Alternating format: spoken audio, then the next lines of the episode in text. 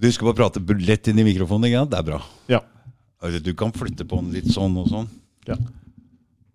Tenker, tenker det er grei, ja. Så, Ja, Hvis du har den sånn eller sånn. Nei. Da faen, Den er litt uh, kjip da, akkurat. der tenker jeg. Mm. Ja. Suverent. Ok, let's go. En, to, tre. Trykk på begge. Jeg har hørt alt. Vi er i gang alt, ja. Det er bra. Ok, velkommen igjen, eh, Geir. Takk skal du ha, Dag.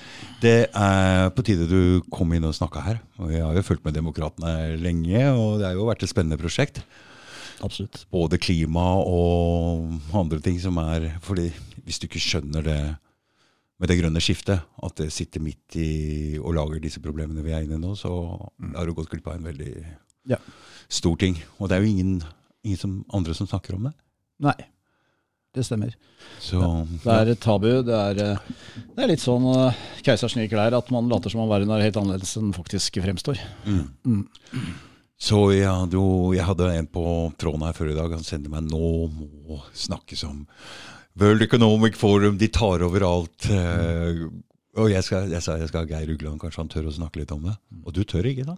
Ja da, det, jeg må jo det, for det, det er jo roten til alt vondt, uh, må jeg nesten si. I hvert fall i min verden. Ja. Når vi nå ser hva som skjer av litt uh, uvanlige ting som er til belastning for uh, befolkningen, Mm. uh, så kan det spores stort sett tilbake til det grønne skiftet og også en del andre menneskelig initierte kriser. Altså Nærmere bestemt det som kommer fra World Economic Forum og beslektede fora.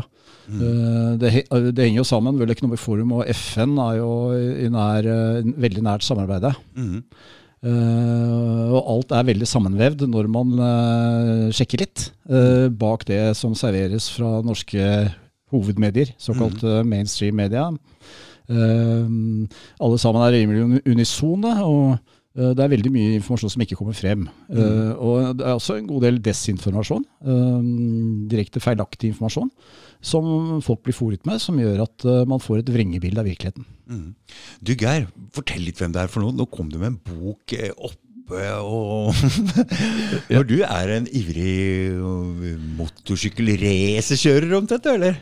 Takk. Ja, jeg, jeg er vel en, hva skal man kalle det, da, en sånn uh, gasoline head-person som har hatt uh, motorsykkel i meg siden jeg var 13 år. Ja. Uh, så jeg trives godt på to hjul med motor imellom. Ja.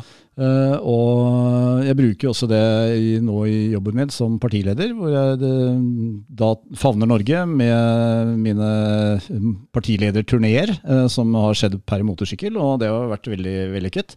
Og jeg må jo si at jeg syns, uh, syns akkurat disse turneene, som alle syns ser veldig slitsomme ut, er ganske mm, oppladende og givende for meg. Uh, For det første så treffer jeg masse mennesker, og for det andre får jeg da kjøre motorsykkel. Uh, Og jeg lærer veldig mye om hva som rører seg ute i den norske befolkningen, og hvor skoen trykker. Ja. Og det reflekteres også i demokratenes politikk, selvfølgelig. Ja. Du, for det var litt av et monster du kom kjørende med her. Det er vel det største du får på to hjul, eller? Ja, det er Råeste du får, alt. Omtrent det. Ja, ikke sant? Det er det. Så, Og det, og det, det, det går jeg, jeg, jeg er glad i kan du si, det som har litt med fart å gjøre. Eh, Jeg er ikke kanskje helt på det Harley-hakket enda, selv om jeg liker det også. mm. Eh, Så det er stort sett eh, japansk med mye hester og baneegenskaper som tiltrekker meg mm. foreløpig. For jeg har tenkt litt på det der. Når man kjører motorsykkel, så er det greit å ligge med nesa først. For du må følge med. Ja.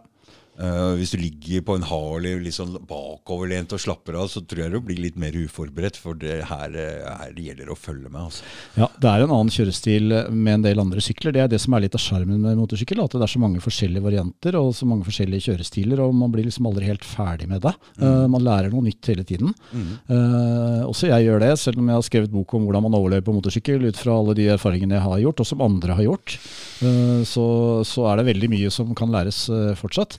Det skjer ting fort. Det gjør det. Det er ingen tilgivelse, og regel nummer én det er å følge med. Uh, altså Se hva som ligger foran deg.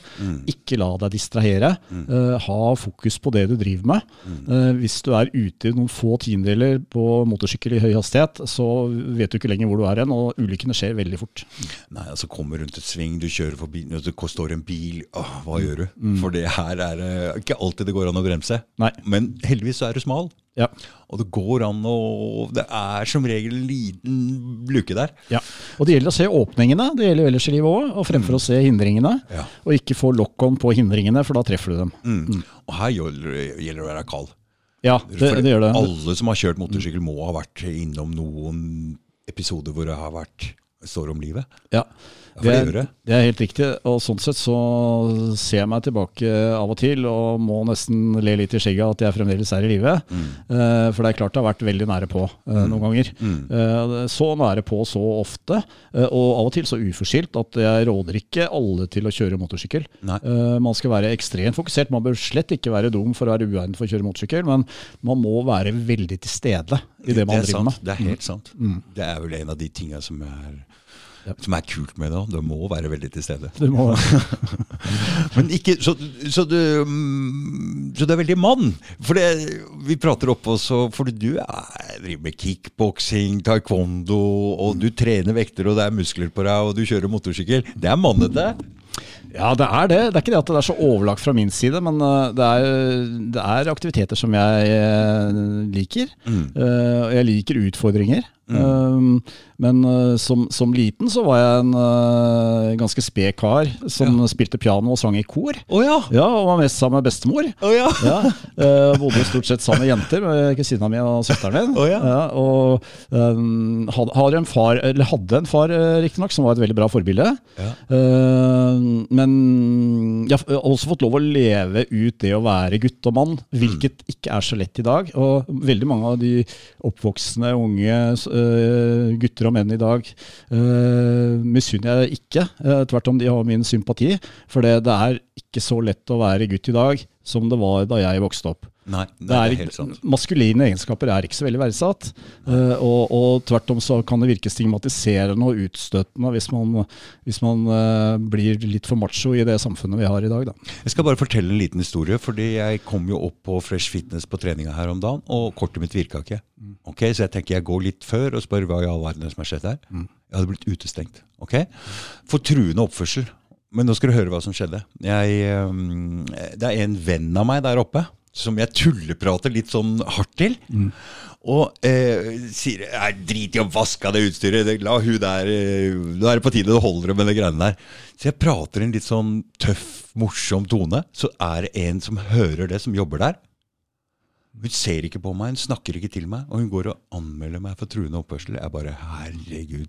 Sånn er det å være mann. Du blir bare misforstått. Eh, Så det der var jo helt uh, ko-ko, men heldigvis har jeg bare et annet helsestudio i nærheten som er samme Ja. fasiliteter. Så. Ja, nei, det, det, det er riktig. Det er faktisk sånn at uh, det å være mann i seg selv kan være ekskluderende og grunnlag for fordømmelse. Mm. veldig ofte så blir man i dag dømt for å være mann, rett og slett. Prate litt høyt, Ja. gå Ja. litt sånn, så plutselig ser folk helt rart på deg. Ja, he, helt klart. Og, og, og man kan jo bli tatt for, øh, for øh, uønsket øh, tilnærming hvis man plystrer. Og hvis en dame plystrer akkurat på den samme måten, så blir hun ikke tatt for det. Hvis du skjønner hva jeg mener? Ja, ja. Mm. Ja. Så, så derfor det da mann, så, så var det ment sånn. Mm. Og da må du ta støtten. Mm. Ja. Øh, mens en dame som gjør det er- akkurat det samme Ja, og Vi så jo hvor lett det var å ta ut Giske og sånne ting. Ja, ja. Men sånn gammel historie, gitt. Ja, nettopp. med den. Giske-saken er veldig stygg, Mm. øh, og der spilte man vel på akkurat det. Mm. At han danset og lo og koste seg, Mm. og da, det var fiffig. Øh, Hadde en dame gjort akkurat det samme, så hadde det ikke vært det. Nei. Nei. det er forskjell. Ja, det er forskjell. Ja. Men og så, eh, når begynte du med politikk egentlig, du? Det var på Jeg har egentlig vært politisk interessert veldig lenge. Ja. Um, jeg um, startet uh, tidlig med litt politiske uh, meningsytringer i Unge Høyre. Uh, det var tidlig på 70-tallet. Jeg begynner å bli så gammel. Mm. Så Hvor gammel er du egentlig? Jeg er 64. Oi, da holder du deg bra, ass! Tusen takk. Tusen takk. Det har, har litt med livsstil å gjøre og, og sånn. Ja. Så det har det. Så Ja. um, jeg prøver liksom å For her er det mye mann igjen ennå, Geir. Ja, jo, det er litt igjen. Eh, Det er, det er litt igjen. Selv det knirker litt i leddene da om morgenen, men ja. Så skal ikke underslå det. Ja. Men, men uh, stort sett så føler jeg meg omtrent som da jeg var uh, 20-30. Ja, for du går sånn, og du står sånn. ja, og- jo, jo, takk for det. Ja. Eh, Jeg forskutterer ikke aldringen, for å si det sånn. Nei. Eh, Det gjør jeg ikke. Eh, Det er mange som sier at Jeg har venner som sier nei, nå er jeg jo blitt en gammel mann, så nå må jeg gjøre sånn og sånn. Nei, nei. Og da sier jeg det, det må du ikke. Det må ikke det. Nei. For da det. bare detter du den greia. Det er det det er for seint å bli sterkere. Nei, Ja, ja. jeg prøver å bli sterkere ennå på treninga. Altså. Ja, helt klart. Så jeg har veldig lav toleranse for den type selvpålagt aldring. Da. Mm. Uh, og det har jo for så vidt uh, også vært gjeldende for familien min. kan man si. Når, når de, de gamle begynner å bli gamle, Mm. eh, så prøver jeg å, å bistå der jeg må. Mm. eh, men jeg vil heller ikke si puter under armene på dem fordi de er gamle. Nei. Jeg mener at de må klare seg, og jeg stiller krav til at de kan gjøre det, det meste selv. Mm. Eh, helst alt. så lenge som mulig. Mm. Men det er klart det kan komme en dag hvor man må kaste inn håndkle på forskjellige ting, og da må man ha litt bistand. Mm, Eh, men det er ikke sånn at, at man nødvendigvis må sitte for det man har passert 70. Det kan hende man kan stå og gå for det. Du vet nå, jeg er 57, jeg har antageligvis den hardeste jobben i Norge. Jeg løper hele dagen, altså. Det er så hardt, det der greiene der. Ja. Og jeg går på treninga etterpå. ja, Og jeg er 57. nettopp. Det er bare tull uh, at du ikke kan være i knallform nå. Jeg er i knallform. Ja, ja, nettopp. Ja, du er jo, Mm. vi, har jo litt samme livsstilen, eh, så det er klart at det, det, det påvirker livskvaliteten. Mm. Eh, og jeg har eh, drevet litt med, med sånn personlig coaching også, ansatte og andre som har slitt litt. Ja. Og, og, og, og barn og unge i familien Ja. også. Ja. Det var blant annet en lang historie med min sønn, som jeg ikke behøver å, å komme inn på nå, som, som var et vellykket eh, prosjekt. Ja. Eh, men Det vil jeg gjerne høre litt om etterpå. det kan du godt høre om. Eller, Mm, mm. det- skal du få. Ja. Eh, men men eh, jeg sier at det er noe som jeg kaller livets areal. Mm. Det kan man gjøre å bli så gammel som mulig. Nei. Eh, det som er suksesskriteriet for meg, det er at livets areal blir størst mulig. Og jeg sier at arealet det er produktet av kvaliteten. Altså høyden på kvalitetsaksen Mm. og lengden på livet. Ja. Så det maksimale liv for meg, det er høy kvalitet så lenge som mulig. ja.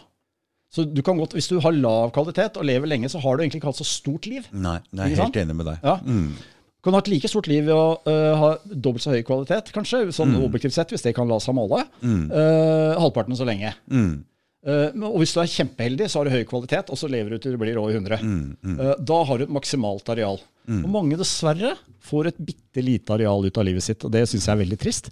Og jeg syns det er veldig gøy å hjelpe til, eh, og hvis de er mottagelige, eh, for at det arealet skal bli større. Da. Og det, det kan gjøres med ganske enkle grep. Mm. Det er interessant, for jeg, jeg har jo vært inne i perioder i livet mitt hvor jeg bare har kalt for mikroliv. Ja. Faen, så vidt du beveger deg ut av døra, så lite man gjør, ikke sant? Og det er veldig, veldig, veldig dårlig. Ja, det er trist, og, og hver dag er en gave. Mm. Eh, Så er det om å gjøre å få mest mulig ut av det, uten å stresse, selvfølgelig. Ja. Så det må jo falle naturlig òg, da. Ja. Men det går mye på, på si, den fysiske formen og den mentale formen. da. Mm. Eh, Hvis de to tingene er på plass, så skal det mye til at noe går gærent. Ja. Mm. Og så tiltrekker du deg det du Så det er jo hvordan man føler seg inni seg, og det har noe med det fysiske å gjøre også. Ja. Det, du tiltrekker deg de tinga i livet. Ja, det er, det er det man gjør. Eh, Det som er fint også, det er at det er den beste vaksinen mot motgang. Eh, Det er å ha eh, livskvaliteten på plass. da. For du tåler en støyt. Ja. Hvis du først er på felgen, så skal det veldig lite til før du kjører helt i grøfta. Ja. Ikke sant? Ja.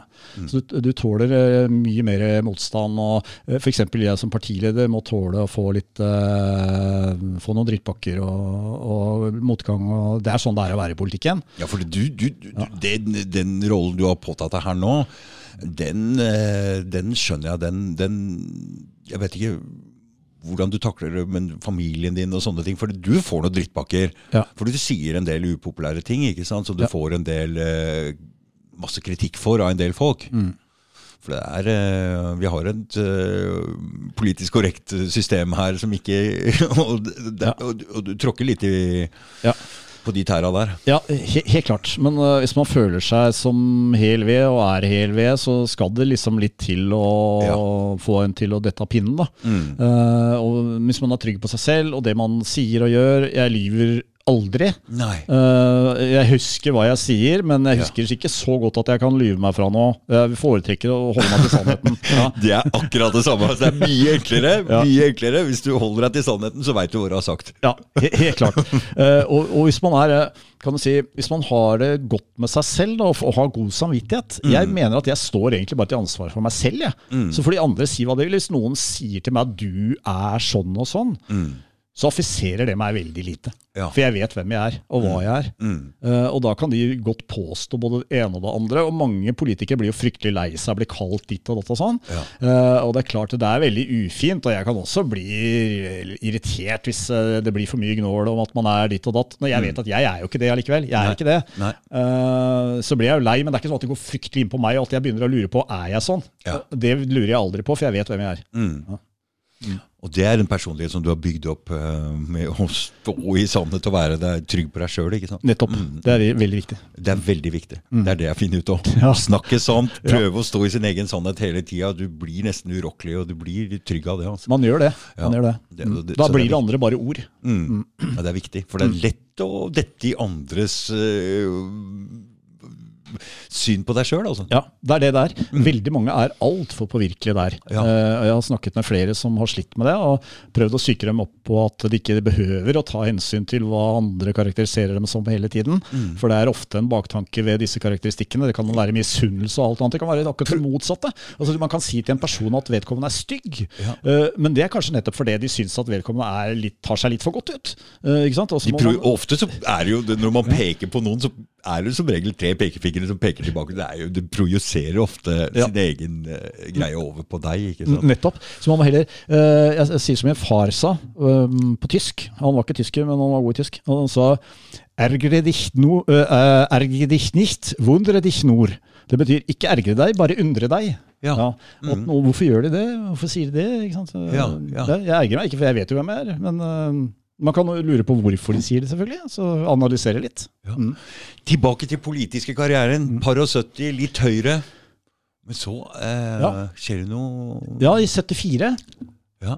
så var det valg, og jeg eh, tjente noen ekstra kroner som listebærer for Ja. et tilfeldig parti som het Anders Langes parti. Du, det var pappa. Da ble jeg glad når det partiet kom. Anders Langes parti. Det, det, og jeg var så liten at jeg kalte det for Slanges parti, så jeg skjønte ikke helt hva det var. Nei? Men det er det som eh, ble til Fremskrittspartiet, ikke sant? Ja, Mm. da var jeg solgt. Ja. Ja. Det var nok der faren min lå som, som eh, i politisk også. Ja, ja nettopp. Og det, det kan jeg skjønne, for de representerte noe helt nytt. Ja. Eh, Og jeg har aldri følt meg som en høyremann. Jeg er jo Oslo-gutt mellom øst og vest, men i sjelen veldig øst. Grefsen sto det der ja. oppe. Ja. Det er mellom øst og vest, for når du Det er kommer så høyt opp på, på kanten der, så blir det litt vestaktig. Ja, det, blir, det er jo mye villaer og sånn, men det er litt uh, blokkbebyggelse og, og litt av hvert. Og, Det er litt av hvert, men det er samme som Nordstrand her også, Ja. som kommer litt opp på høyden der. Så, så er det plutselig Ja, det er noe av det Kan samme. kalle det vest, da, men det er Ja. ikke vest. Men jeg har jo en finere dialekt, og det er jo litt dyrt der. Ja, helt klart. Men jeg vokste jo opp med motorsykler og kampsport og mye sånn Oslo øst-aktiviteter. da. Eh, det gjorde jeg, så, så jeg vil jo si det at jeg er jeg er vel mer en sånn 70-tallsråner fra Oslo øst. Eh, jeg, jeg må tilstå det. Eh, men så havnet jeg i et helt annet miljø da jeg tok min utdannelse i Bergen på Handelshøyskolen, og, der var, kom det jo de fleste fra en annen kant, et annet miljø. Ja, for jeg hører at du prater litt eh, Du har litt finere dialekt enn meg. Ja, ja da. Oslo har mange dialekter, faktisk. Ja, de har det. Ja, Mm. de har det. Så Nei, der er jeg også sånn midt på. Ja, jeg Ja. hører det. Jeg hører det.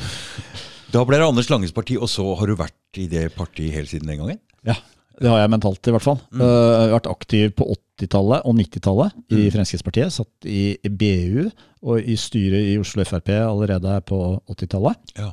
Uh, fikk med meg oppvåkningen med disse demonstrasjonene mot Salman Rushdie i 89. og Skjønte at vi har en utfordring. Det var Ja. sånn uh, Houston, we have a problem. Uh, Ja. Når 5000 galninger marsjerte gjennom Oslo og ropte 'drep, drep'. Ja. Da skjønte jeg at uh, dette kan jo aldri gå bra. Uh, jeg hadde ikke noe forhold til det før det. Nei. uh, egentlig. Så, så, så da var den biten av politikken også litt på plass. Mm, og mm. Frp representerte jo også i tidlige år uh, mye bra der. Mm. Men så tok jo liberalistene etter hvert over i Frp. og uh, Jeg ble veldig opptatt av min egen karriere. Jeg jobbet mye utenbys. Uh, det var ikke så lett å betjene politiske verv.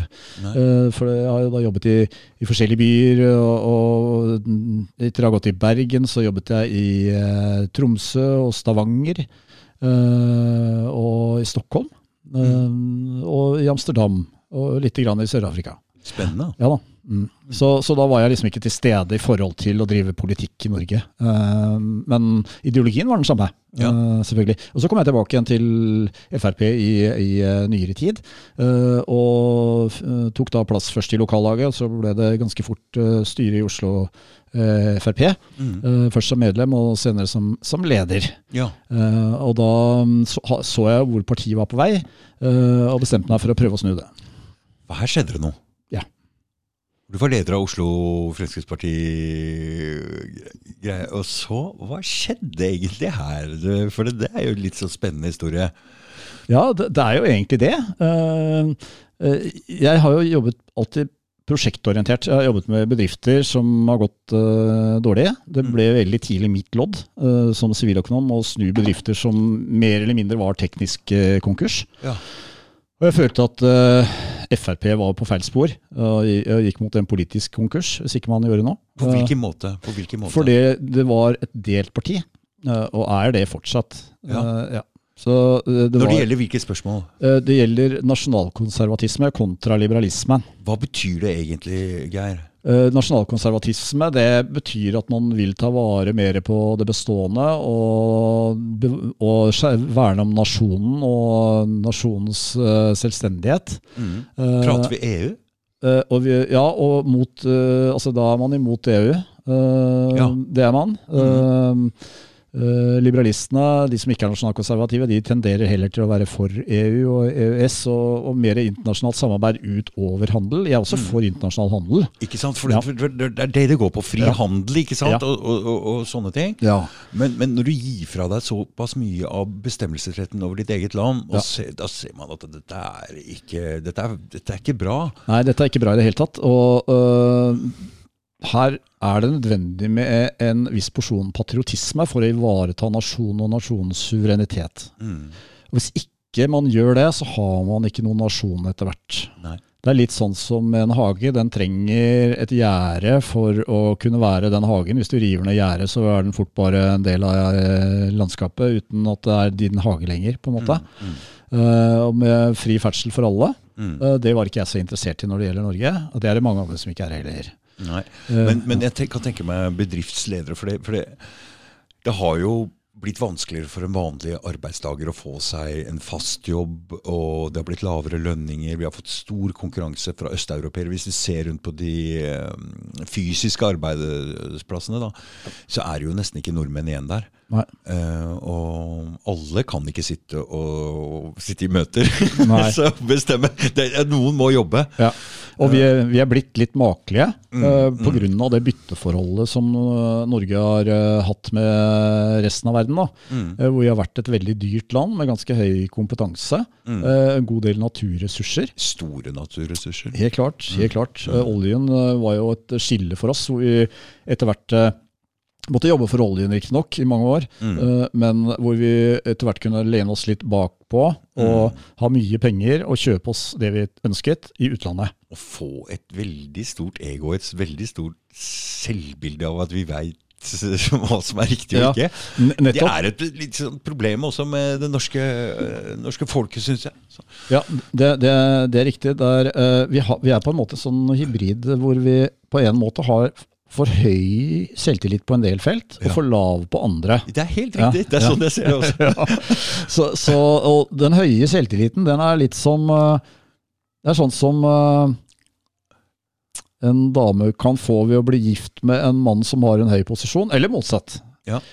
Og på en måte da plutselig føle seg mye, mye mer intelligent og mektig mm. uh, fordi hun er det, uten at hun som person egentlig har forandret seg i det hele tatt.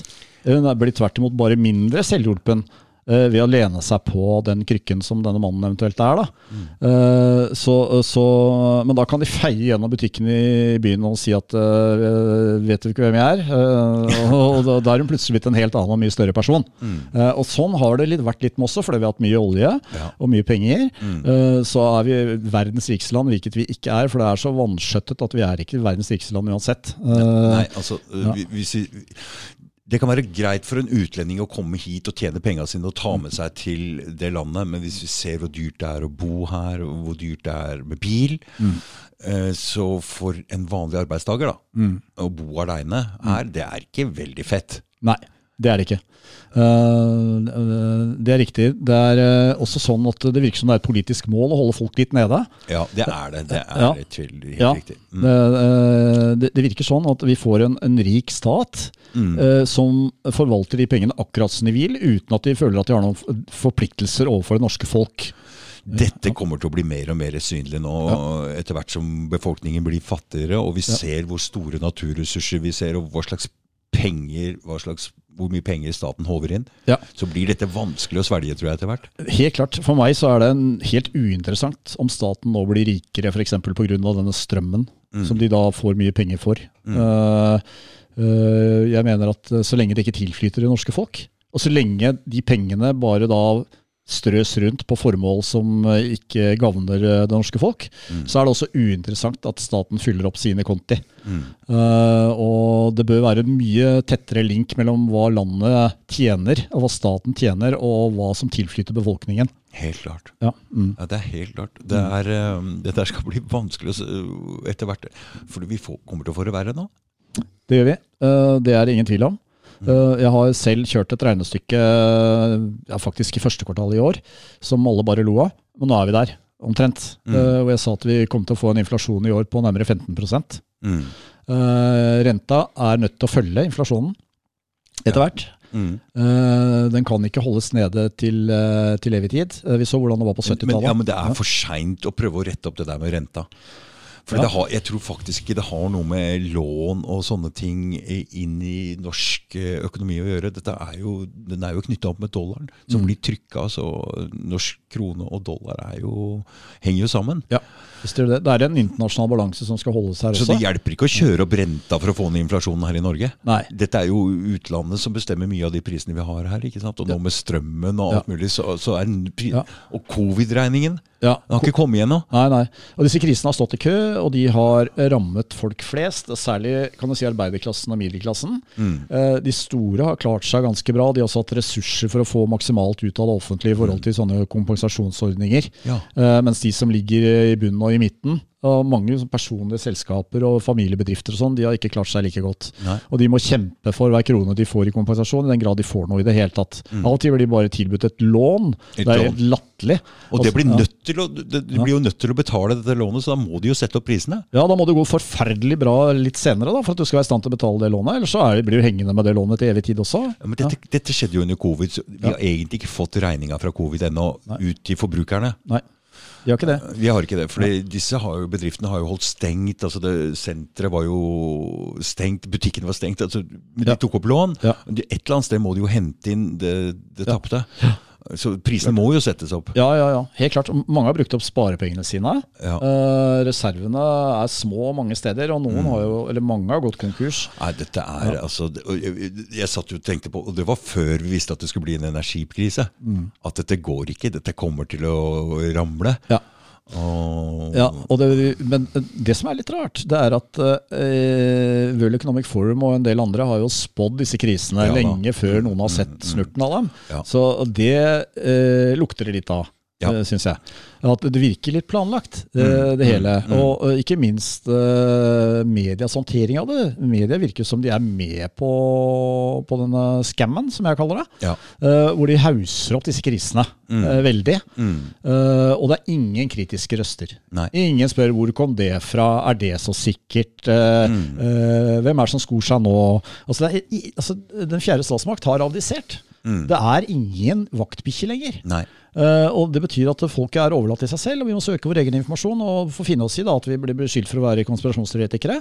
Det har vi gjort i Demokratene. Vi har blitt beskyldt for det ganske lenge nå, men vi får rett i alt vi sier, vi. Ja. Ja, vi har mm. sagt mye nå om både strømkrisen, vært tidligst ute der. Eh, vi, har, vi har sagt mye om covid-19, om vaksinene. Nei, der vi var konspirasjonsteoretikere, nei, men vi fikk rett i alt. Hvor var media? Mm. Hvor var media? Hvor var media? Ja. Her, eh, jeg vet ikke om du er interessert i å prate om det med vaksinene, og sånn, men det, det som er helt sikkert, er at disse vaksinene de virka ikke som de skulle. Nei. Fordi de sa at bare vent til første vaksine, så blir alt i orden. Mm. Og så snur de bare om og sier at nei, øh, det, unnskyld, den, den, vi smitter visst allikevel. nettopp. Um, Ja, og så blir man stemplet for å være antivakser og statsfiende, og det er ikke måte på masse stygge gloser som ikke biter på sånne som meg, men som biter på veldig mange andre. Voldsomt, det der. Ja. Og, og, og denne hersketeknikken som det offentlige og media har utøvd overfor vanlige folk som har vært skeptiske, den er bare helt utilgivelig. Og det gjør alle medskyldige i at det går gærent. Ja. Ja, Og det går faktisk gærent, for det, når det gjelder vaksinene, så er det nå flere som blir syke av vaksinene enn som blir reddet av dem, i den grad noen blir reddet i det hele tatt. Eh, Og man påstår både at man skal Altså, man har jo gått fra skanse til skanse. Til å begynne med så skulle man jo være 95% sikker på at eh, vaksinen virket, og at man var immun. Det, greia var at vi ikke skulle smitte andre. Ja. Alle jeg prata med, de sa det er ikke for meg sjøl, jeg gjør det ikke for meg sjøl, jeg gjør det for de syke, de gamle i familien min. Det var det de sa, og nå Ja. prøver de å si nei, vi har aldri sagt det. Nei, Nei, jo, nei, det, det veit jeg, Nei, det husker jeg godt. Ja, Det så var nå- greia. Nå sitter innrømmelsene langt inne, Mm. men det er sagt og gjort veldig mye for å presse folk til å la seg vaksinere. Og de har spilt på gode menneskers dårlige samvittighet Mm. Ja. og ansvarsfølelse. Mm. Og de har utnyttet alt, og det har vært helt hjerterått, etter Det min mening, sånn som de har øh, oppført seg. Mm. Uh, og, og folk som har hatt tillit til eh, det offentlige, uh, den tilliten er blitt besvart med ren svindel. Det mener jeg. Uh, disse vaksinene de virket ikke. Det ble Nei. veldig tidlig klart at de ikke virket. Allikevel, fremdeles, i dag, i september 2022, så pusher de disse vaksinene. Og mener at det er enkelte som har glede av det. Og De har jo skal ha både kjøpt og inn haugevis. Ja. Tenk deg for en scam! Ja. Tenk deg folk, de, de, de farmabusinessene har tjent penger, da. Ja. Oh my god! Ja, det er, det er helt tragisk. Og jeg har veldig stor sympati med alle de som har latt seg vaksinere. Det er gode mennesker Ja, ja, som har gjort dette. De er Mm, blitt lurt, rett og slett. Og jeg håper inderlig det går bra. Og det er tydeligvis forskjell på disse vaksinene. Og det er ikke alle kanskje som, som, uh, som vil bli syke av dem. Men, men, uh, og jeg, jeg håper flest mulig vil klare seg. Men det er en, nå en kjent sak at Pfizer hadde fors- forsøk på dette her før vaksinen ble lansert, som viste en helt uakseptabel frekvens på bivirkninger. Å, Og alvorlighet på bivirkninger. Ja. Dette ble dysset ned, holdt hemmelig, til en amerikansk rett tvang Pfizer til å offentliggjøre eh, disse rapportene, som var eh, på flere, flere tusen sider, med eh, kartlagte bivirkninger mm. uh, av, hos forskjellige typer personer, ut fra alder, om de var gravide, om de hadde syke fra før, osv. osv. osv. Og her er det masse altså, Broren min fikk jo uh, um, slag. Ja. Tette blodårer. Ja.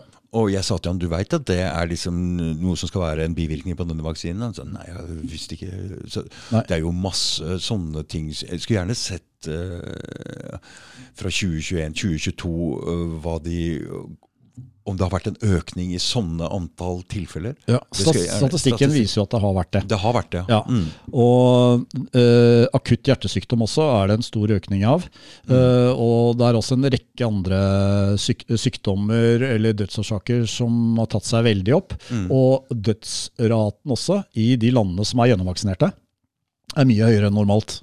Mye høyere enn gjennomsnittet for de siste ti årene, f.eks. Mm, ok. Ja. Og Norge, i Norge nå så har vi vel en, eh, en eh, dødsrate som er borti 10% over det som er normalt, og det er i seg selv en katastrofe. Det skal ikke være mer enn noen, nesten noen promille over normalen før man bør reagere, og før eh, helsemyndighetene burde sagt hei, hva skjer her? Men, men Geir, fordi nå hører jeg de sier at det er flere nå som ligger inne syke og som dør av covid, enn det var i 2021. eh, og da tenker jeg eh, Men nå er det jo ingen restriksjoner. Men Tenker du at det kan ha noe med vaksinen å gjøre? Altså, nå er vi jo gjennomvaksinerte alle sammen, så hva Ja, altså Jeg er ikke lege, øh, jeg er ikke Nei. forsker, men Nei, jeg, det er én ting jeg gjerne vil påpeke. Hva gjør myndighetene? Hvorfor er ikke interessen høyere for å finne ut av dette her? Øh, vi får ikke vite noen ting. Media sier ingenting. For, og, og begrunnelsen for ikke å si noe da, vi, øh, da mange av oss sa at hei, nå er det noe galt, det er for mange som øh, blir syke av uforklarlige årsaker, øh, så vil ikke media snakke om det. Og begrunnelsen var, og den kom helt opp i dagen, det kan jo frata folk lysten til å la seg vaksinere. Ja. Det blir Mm. litt som- det, det skjønte vi. Ja, det, det skjønte vi. ja. mm. Så de blir litt som en bruktbilselger, som selvfølgelig ikke kan si at, eh, at eh, understellet er tvers gjennom rustent, og at eh, den har rådebank, for da er det jo ingen som vil kjøpe bilen. Nei. Så det er på det nivået der. Ja. ja. Og jeg, jeg mener at det er jo rett og slett svindel. Mm. Eh, eh, vi har krav på å bli eh, fullt informert. Eh, I henhold til loven så har vi det. Hvis vi skal ta, vi skal ta et informert valg om vi vil la oss vaksinere eller ikke. Det er påbudt ved lov. At vi skal settes i stand til det, det er den norske befolkningen ikke blitt. De har ikke fått den informasjonen om bivirkninger som de skal ha. og ingen har vært interessert i å finne ut noe om det heller, så vidt jeg kan se. Det er det tøffeste jeg har hørt noen politikere tørre å si om disse vaksinene. For det har vært, altså Nå er det kanskje innafor å snakke om det, men dette har vært tabu. Dette har vært tabu, og det burde det slett ikke ha vært. Eh, og En så sa- stor og viktig ting Ja. må kunne snakkes om og diskuteres på en ordentlig måte. Ja, helt, helt klart. Og som sagt, jeg er ikke vitenskapsmann, men jeg etterlyser interessen av å komme til bunns i det. Eh, det gjør jeg, Og den har ikke jeg sett. Nei. Og jeg har heller ikke hørt om noen som har fått formaninger eller fått advarsler i forhold til at det, her, det er faktisk noen bivirkninger her, så du bare tenker deg litt om før du tar vaksinen. Mm. Ingen av de de jeg kjenner som er vaksinert, har fått den leksa. Nei. Det har de egentlig krav på, Mm. så her er loven brutt. For tusenvis av nordmenn. Ja. Millioner. Ja. Mm. Fordi, på førsten, jeg vet ikke om du, du, du fulgte vel sikkert med, Du var jo valgtrumf, og, og vi hadde covid 2020. Ja. For et år! Ja. Oh my god. Ja. Og da skulle du ikke snakke veldig mye om covid eller noen ting før du ble sabla ned, men i løpet av 2021 så snudde stemninga i kommentarfeltene, hva? Ja, det gjør det. Fortsatt er det noen som henger igjen, Mm. Uh, og de lar seg utelukkende informere da av hovedstrømsmediene, Mm. som eh, dette har snudd, dette har snudd hæ? Ja. Hvis, vi skal, hvis vi skal sjekke kommentarfelt som en slags uh, indikator da, Ja. på hva folk mener. Ja, altså nå, hvis, hvis, hvis en avis går ut og anbefaler folk å ta vaksine nummer fire, Mm. så får du 90% latterikoner, Ja, Uh, og så får du 5% sinte, og så får du kanskje 5% likes. Jeg veit det. Ja. jeg vet det. Så, det har Så der er vi nå. Mm. Ja. Ja. Men media henger igjen enda, Og ingen politikere tør å ta i det. og ingen politikere tør å ta i den, nei. nei. Nei, så Det skal du ha full kudos for, Geir. For det trengs en mann som tør å si noe her. Jo, takk for det, men jeg er bare glad i det norske folk. Jeg. Altså, jeg kan ikke sitte stille og se på at folk blir påført en dårlig helse. Nei. Det kan jeg bare ikke gjøre. Eh, og jeg, må, jeg er nødt til å følge min egen samvittighet, igjen, sånn som vi snakket om i stad. Mm. Uh, og selvfølgelig skal vi snakke ut om dette her. Og for meg så er det helt irrasjonelt å ta flere vaksiner. Og jeg sier, eh, jeg skjønner at eh, de fleste her har tatt vaksine. eh, Og at noen kan kanskje få en dårlig følelse når man begynner å kritisere disse vaksinene, at det kanskje kan være noe feil med dem. Eh, Men jeg kan i det minste da kanskje forhindre noen i å ta en ny uinformert sprøyte. Da får de i hvert fall uh, sette seg litt inn i det før de gjør det, og så får de gjøre akkurat hva de vil. Ja, ja. For meg. Mm. Uh, uh, men kanskje hindrer jeg noen i å ta vaksinen fordi de faktisk mener etter å ha fått den informasjonen at ikke de bør ta den. Og da har jeg på en måte gjort en jobb. Mm. Men nå er ikke presset like stort. Eh, Nei. Når du begynte med vaksinepass, da, da tenkte jeg nei, nå Ja, Og så har du vaksinepasset. Ja. Dette her er Nå må de roe seg. De skal ikke få lov å være med i samfunnet. Ingenting på grunn av Ja. det. Da, da, da var det en del folk som tenkte Å jaså, hvem er staten egentlig? ja. Nettopp. Hva er det staten har blitt for noe her nå? Hva er det de egentlig prøver å er Hvordan fikk de sånn makt, og hvor skal de detaljstyre oss? Ja. Det er jo et overgrep av en annen verden. Mm. Uh, For dette, dette vaksinepasset er jo en form for uh, vaksinetvang for veldig mange som Mm. Klart kanskje er er nødt til å reise i jobben sin osv. Klart er det. Ja. Og en del har jo også jobber da, hvor de fikk beskjed om å vaksinere seg, for der kunne man, kunne man smitte pasientene osv. Mm. Nå viser det seg det at eh, på noen institusjoner så er det blitt sånn at eh, det er de uvaksinerte som må ha med de mest utsatte pasientene å gjøre, for de vaksinerte smitter mer. enn de uvaksinerte. Ja, så nå er, nå er vi der. Mm, Ja. mm. Eh, Men i hvert fall så er det mange som da har latt seg tvinge til å vaksinere seg. For det er ikke alle som bare kan si at nei, jeg trenger ikke den jobben. Jeg har rik- riktignok en familieforsørger, men eh, jeg vil ikke ta den vaksinen. Så da sier vi i morgen til jobben min. Mm. Det er ikke mange som kan si, Nei. dessverre. Så da er det vaksinetvang. Ja, det er det. Ja, Det har vært det. Er det. Og, og det er uh, Jeg mener dette er helt uh, hjerterått. Mm. Uh, og jeg har fortsatt ikke skjønt hvorfor det er så om å gjøre å vaksinere så mange. Nei. Hvorfor skal vi alle vaksineres? Vi har hatt mange sykdommer før i verden Mm. som har vært mer alvorlig enn denne Men, men ifølge media så har vi ikke hatt det. Nei, ifølge media har vi ikke hatt det, men det har vi faktisk hatt. Ja, Ja. Det, det er jeg helt enig med deg i. Ja, og, og, og det er også blitt opphauset uh, helt unødvendig. Det er masse overdrivelser i media som de ikke har dementert veldig tydelig, men uh, som de burde egentlig ha fått lov å steke litt i. Uh, hvor de, de slo opp ting som overhodet ikke var sant, for å få folk til å føle frykt. Um, og så har de hele tiden da pushet, og da har de ikke vaksinert deg ennå, dårlig menneske. Altså, så, som Erna sa, at det var en borgerplikt å vaksinere seg. Altså, du er en dårlig borger hvis ikke du vaksinerer deg. Det er ikke pent å si. Uh, og jeg må si, av og til så um, av dette vaksinepresset så føler man seg kanskje litt som en, uh, en jente som har fått en drink av en fremmed fyr på uh, et dansested. Uh, og så står han der og så sier du, skal du ikke drikke? Du må drikke. Uh, drikk, da. Uh, skål. Drikk, drikk, drikk. drikk, drikk. Da er det en bjelle som ringer hos meg og sier jeg skal i hvert fall ikke drikke den drinken her. Nei. Ja, ja. Nei, nei. Hvis det er så om å gjøre. Nei, for det er sånn jeg reagerte. Ja, og sånn For reagerer jeg på vaksinen også. Ja, Ja. ja. Dette, dette er um, Det er noe som ikke stemmer her. Mm, Uh, hvorfor er det sånn å gjøre? mm.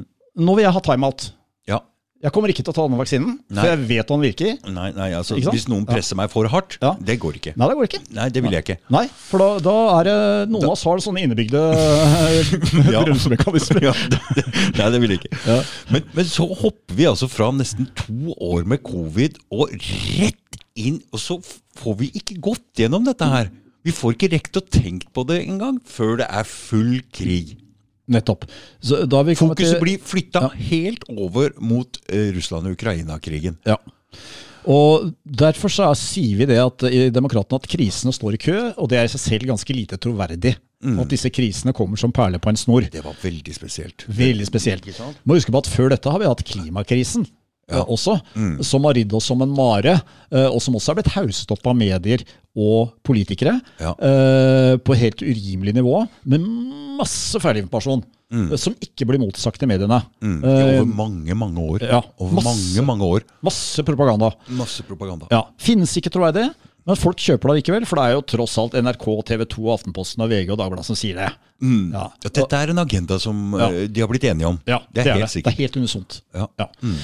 Ja. Så, så, så da har vi hatt klimakrisen, og så kommer covid-krisen, og så kommer Ukraina-krigen. Mm. Og så kommer jaggu meg energikrisen også, gitt. Eh, og da skylder man jo på Ukraina-krigen, selv om mange vil si at nei, den krigen i seg selv er ikke nok til å dra det scenarioet vi har fått nå, med, eh, med den, disse, denne priskrisen på energi. Eh, her er det mye mer som spiller inn. Eh, og da er vi over på uh, hvordan de enkelte lands myndigheter, hvordan FN og hvordan EU takler dette her. EU har jo beredt grunnen for dette selv. Eh, særlig fordi Tyskland har lagt ned atomkraftverkene sine, og det er en del andre land som også gjør det. Hvorfor gjør de det? Det er den reneste energien du kan få. Eh, det har ingenting med CO2 å gjøre heller. Så, og de sier at det er det grønne skiftet som gjør det. Ja, men hvorfor legger du ned atomkraftverket? For det er jo det grønneste du kan ha av, av uh, energikilde. Dette er Eh, så, helt så det er, det er ikke troverdig. Det er så dumt at det, det er nesten til å grine av. Ja. Uh, Så det virker nesten litt planlagt. fordi Ja. hvis man vil gjennomføre en stor uh, omveltning i samfunnet litt fort, så trenger man krig eller kriser. Det Mm. Er helt sikkert. Ja. Hvis ikke så går det saktere. Ja. Eh, Så, så, det, det har du helt rett i. Og hvis igjen da tilbake Det- til det- denne det- mannen Men nå prater vi litt Altså at noen har konspirert. Ja, vi gjør det, men det er jo altså en konspirasjon. Det er jo bare et annet ord for sammensvergelse.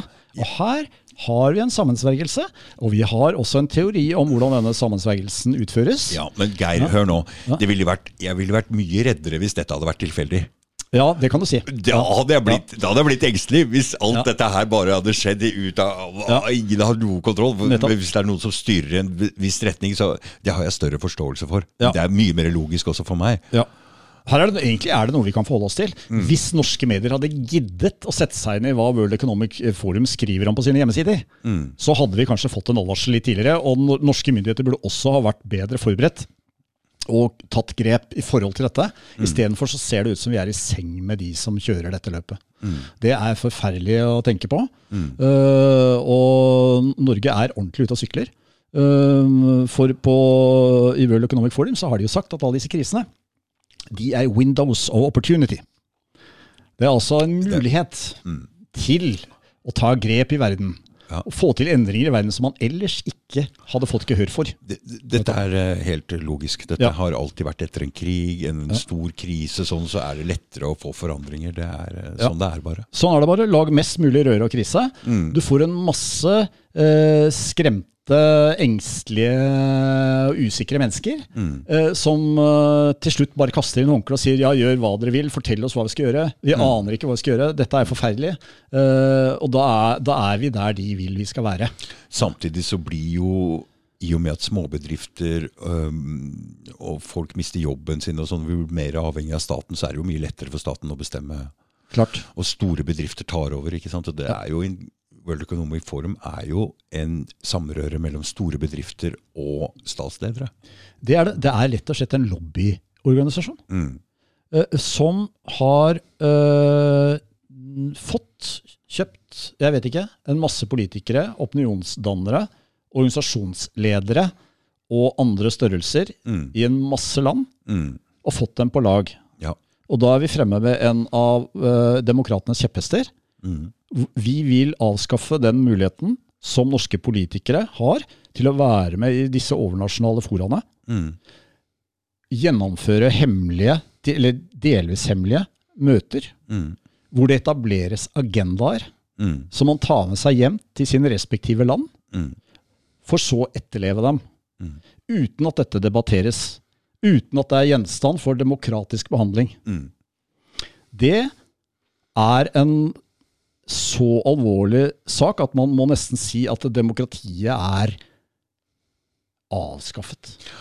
Um, jeg tror at før i tiden ville man nesten kalt det der for forræderi. Ja. Før i tiden ville nok brukt det ordet. Jeg er litt forsiktig med de sterke glosene. Ja, men det ville blitt de kalt det før. Ja. fordi hvis man svikter sitt eget land til fordel for andre land, Ja. eller sånn, så vil det bli Ja. det. Og man er redd for det. I, det, det står flere steder i loven at man ikke skal uh, engasjere seg for fremmede makter.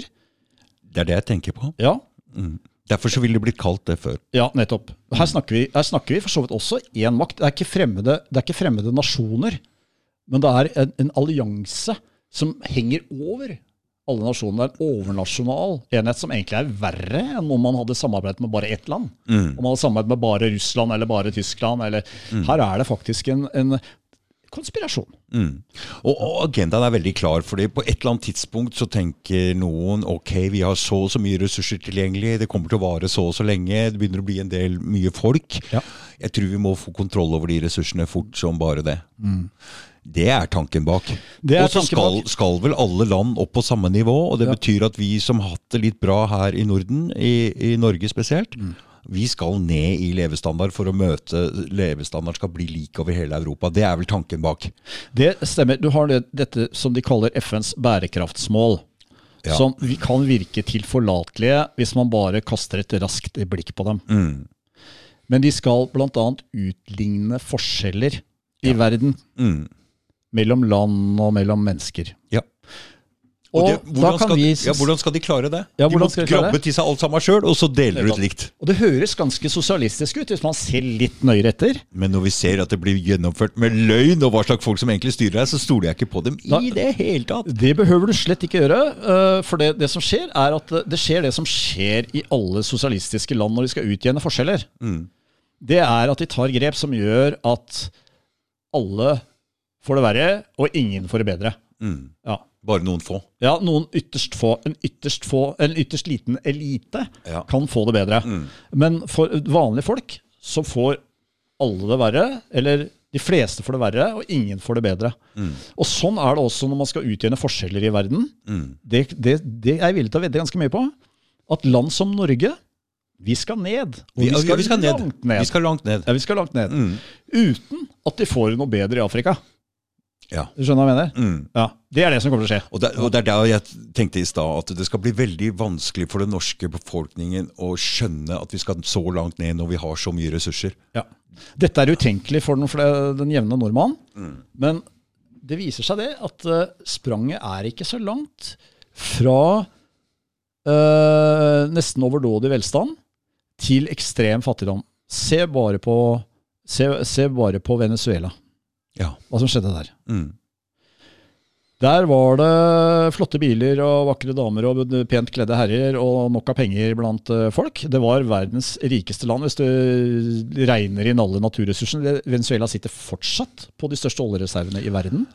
Men de er lutfattige. De spiser kjæledyrene sine. Ja, men jeg vet jo at si- Tenkt å si at dette har noe med kommunisme å gjøre, men du må jo være klar over at Venezuela har jo blitt eh, lagt sanksjoner mot av USA. Ja, helt, Ikke sant? helt Ikke sant? Så det, Ja. det må vi se. Jeg skjønner at du er imot fordi du er gammel Høyre, Anders Lange, Ja, det- og sant? så- kommunisme og den greia der. Og, jeg, og jeg skjønner det, men vi må også se eh, USAs rolle inni det her med, med sanksjoner. Men det er et sosialiststyre med alle de irrasjonelle beslutningene som sosialistledere tar. Ja, Stort okay. sett er det irrasjonelt, for det de, de ikke altså De erkjenner ikke eksistensen av markeder. Det gjør de ikke. Og heller ikke den menneskelige natur. Eh, Det er veldig typisk for sosialister å, forutsette vekk de to tingene. Eh, Og så agerer de som om alt er hunky-dory, eller alt er i sin skjønneste orden, og at alle disse mekanismene skal fungere slik de tror de fungerer, men det gjør de slett ikke. Mm. og vi ser klare spor av det også i Venezuela, at sosialistene har kjørt dette grøfta mye raskere enn de hadde behøvd, holdt jeg på å si. Ok. Ja, det har det. Så, men Vi kan godt legge Venezuela til side, men jeg mener det er et skoleeksempel på hva som kan skje når eh, sosialistene får herje fritt. Så, okay. ja. Jeg holdt jo litt med Chávez og litt sånn. Ja, ja, ja. Var så tøff i FN der hvor han sa mot Bush at det lukter svovel der. Da tenkte jeg, for en tøffing. Ja, ja, ja, ja. Men det man ser nå, det er jo en slags verdenskommunisme med denne lille eliten på toppen. Det er sant. Ja. Det er sant. så det er noe av det samme, men i mye mye større målestokk. Ja, men jeg tror vi liksom må ha Det er liksom ikke så lett å bare si eh, at du er høyre eller du er kommunist, eller sånn, for det er plutselig en faktor inni her med USA, med noe presser, og vi har den overnasjonale Ja. styringa. Det er liksom litt flere faktorer. Bildet er litt annerledes enn Ja. det det var før. Du har helt rett. Og det er ikke sånn Det er jo derfor Steigan også er på en del Ja. av ballen her. Så, Ja. Ikke sant? Helt klart. Og, og jeg er helt med på det. Mm. Uh, og demokratene er jo heller ikke spesielt blå eller spesielt rød. Eh, vi har uh, på en måte alle farger, alle politiske farger, Mm. sjatteringer, mm. i programmet vårt. Eh, og vi, vi ser det at det som truer kanskje mest, eller det som er driveren bak det som skjer på verdensbasis nå, det er jo storkapital. Det er storkapitalen, ja. Det er storkapitalen. Ja. Ja. Uh, og de- og den, bare for å gå inn i den Russland-konflikten, den var jo For det første så ligna det utrolig på covid eh, når det gjaldt uh, og at vi ikke skulle få lov å snakke om noen på førsten. Og da tok jeg selvfølgelig inn folk her som prøvde å, å, å se det litt fra Russlands side. Ja. Men hvis jeg ser etter nå hva som egentlig foregår der For du skal være klar over at eh, Ukraina er et av de mest nasjonalistiske landene i garantert i Europa. Kanskje i hele verden. Og det som skjer der nå, det er at det er de som dør. De blir tatt ut. Og alt som smaker av nasjonalistiske bevegelser Altså Vi prater om lederen i Ungarn, ikke sant? lederen i Polen. Putin også er litt nasjonalist. Og Trump. Ja. Dette er jo forhatte mennesker i media. Dette vil de ikke ha. Det- Så jeg ser jo lite grann Det er mange ting som Den Russland-konflikten er ganske kompleks. Det er mer ting som foregår her. Det er flere, flere ting. Det er veldig komplekst, og det er veldig mye propaganda Mm, veldig eh, mye. fra begge sider. Fra begge sider. Ja, Så det er vanskelig å bli klok på det. og Man bør være så ydmyk at man eh, forholder seg litt avventende. Det er det jeg mener også. Ja, Der bør du ikke, ikke Jeg ser de krangler så busta fyker. Putin er sånn, og Ukraina det, det. At dere gidder. Altså, her må Ta et skritt tilbake. og se, Det går an å se det der fra begge sider og fra flere sider. Ja, det, det gjør det. Det er ikke bare å erklære en fiende for å være dum og gal. Eh, Nei. Som regel ligger Nei. det noe mer her. Ja. Altså, du, du kan ikke skylde på Putin der. Altså, han har stor støtte i befolkningen for å gå inn og redde de russiske befolkninga der. Det er stor Ja. støtte, Så det er ikke Putin som er gal der. Han, dette er uh... Det er nok rasjonelt fra hans side, selv om det kanskje ikke er riktig så, å, å invadere, så er det nok rasjonelt fra hans side. Og, Mm, og eh, man burde kanskje fått disse beveggrunnene opp på bordet, men det har det ikke vært klima for. Nei, det har ikke vært klima. diskutere hva, hva skjedde, og hvorfor skjedde det. Nei, dette er så dårlig klima for å kunne diskutere ting åpent. Det Ja, er det så er det. dårlig. Ja. Hvordan skal vi Dette er det viktigste vi må forandre med Norge. Ja. Vi må kunne ta ting opp og uten å bli uvenner og kunne se, og analysere. Er ikke det vanlig? Var ikke det, er, på et eller annet tidspunkt må det ha vært vanlig å gjort det sånn. Jeg er helt enig. Eh, Jeg er overrasket over hvor dårlig eh, diskusjonsklima det er både på klima eh, både, og covid, og på Ukraina. Ja. Det, er, det, er, det er helt låst. Det er helt låst. Og det er, jeg, jeg vil nesten kalle det idiotisk, da. Ja. For det, det er ingen som vil analysere situasjonen Nei, lenger. hva skjer? Hva er folk helt blitt Ja. Og mange fakta vil de ikke høre om. Nei? Altså, Hva hvis er det som gjør at folk blir sånn som det der? Er det frykt? Er det sinne? For det er klart at Når følelser kommer inn i bildet, så er det ikke lett å være objektiv lenger. Nei. Så det er klart det er sterke følelser inn i bildet her. For med en gang man kan roe seg ned og være følelsesmere rolig, da kan man jo prate om disse tingene. Ja, ja, helt klart. Istedenfor så er man ute etter å sette merkelapper på hverandre. Ja. Så med en gang hvis du sier ja, den saken har kanskje to sider, og du er putinist ja, Da får du høre at du er putinist. Jeg er ikke putinist. Jeg holder ikke med Putin. Men jeg vil bare ha saker på bordet. Ja. Ja, det er ikke verre enn det. Altså, er det å være putinist og, og be begge parter å komme frem med hva de mener er argumenter for å gjøre som de gjør? Nei, det er jo sånn man kommer til en forståelse. Ja, det er det er jo det. sånn man redder, ordner opp i ting, da. Ja, Vi må møtes, snakke om det. Ok, la oss finne en middelvei. Altså, Ja. Hvis du og jeg har en konflikt, ja. Så er det sånn vi må ordne opp i det. Ja, det- Møtes. Vi. Det er sånn menn gjør det. Ja, det, ja, klart det. Det er sånn menn gjør det. Ja, ja. Og så blir vi enige, og så deler vi det på midten, og så er vi like fornøyd. Helt klart. Og det er ikke noe grunnlag for å megle heller, så lenge ingen har den kunnskapen. Hvis de bare er opptatt av å ligge i skyttergraven og skrike ukømsord til hverandre, så Merkelig kommer hvordan, man ikke lenger. merkelig hvordan verden har blitt. Men dette skjedde altså Det er så ikke mulig det har vært sånn før. Eh, Det har vært sånn i klima, det veit jeg. Men spesielt i 2020 så skjedde det noe ekstremt eh, og, i USA og her i Norge også.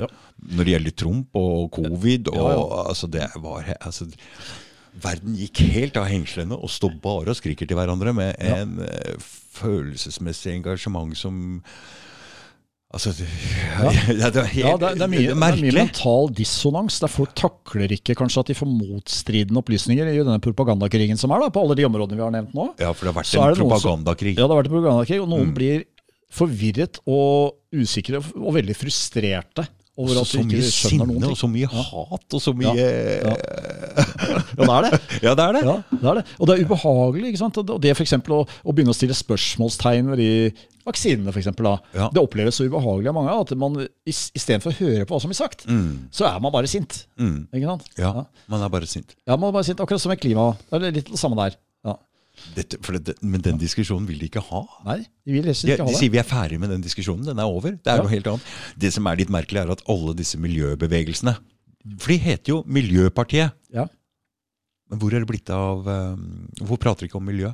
Ja, det, altså de, eh, De glemmer jo miljø. ja, og det, det, De prater bare klima. ja, det er villedende markedsføring. De burde hett Klimapartiet. Helt klart. Eh, eller Klimabløffpartiet for meg. Eh, og de eh, er jo ikke på det med tradisjonelt naturvern, sånn som demokratene er. da. Vi er jo nesten nazi på det. Ja. Altså på tradisjonelt naturvern. Eh, der er jo ikke MDG i det hele tatt. Vi har jo for eksempel, her, Hvis du hadde snudd deg nå, så hadde du sett Ørstensjøvannet. Det er Nordens største fuglereservat. Ja. Nedi der så ligger et sånt saltlag. Skjønner du? Fra all den saltinga som er på veiene. Ja. Det er et problem. Det Ja. forurenser grunnvannet. Klart. Eh, ingen prater om det. Nei. Og, det, og, og saltbruken Dette er nesten miljø... Dette Dette er en miljø... Kan bli en miljøkatastrofe. Disse fuglene der nede, de, er jo grunt vann. Det er jo det de spiser. Klart, klart, klart. Hvorfor prater vi ikke om sånne ting? Nei, men Det er veldig typisk, for MDG er mer opptatt av at disse syklene skal frem. så Derfor så må de salte ti ganger så mye som de gjorde før. Uh, Ja. ja. Det er det de er opptatt av. Og de er opptatt av å hin- hindre, hindre biltrafikken ved å bygge disse sykkelveiene. Og så må de da ha folk til å bruke sykkelveiene hele året, for ellers så er jo dette en flopp hvis ikke de gjør det.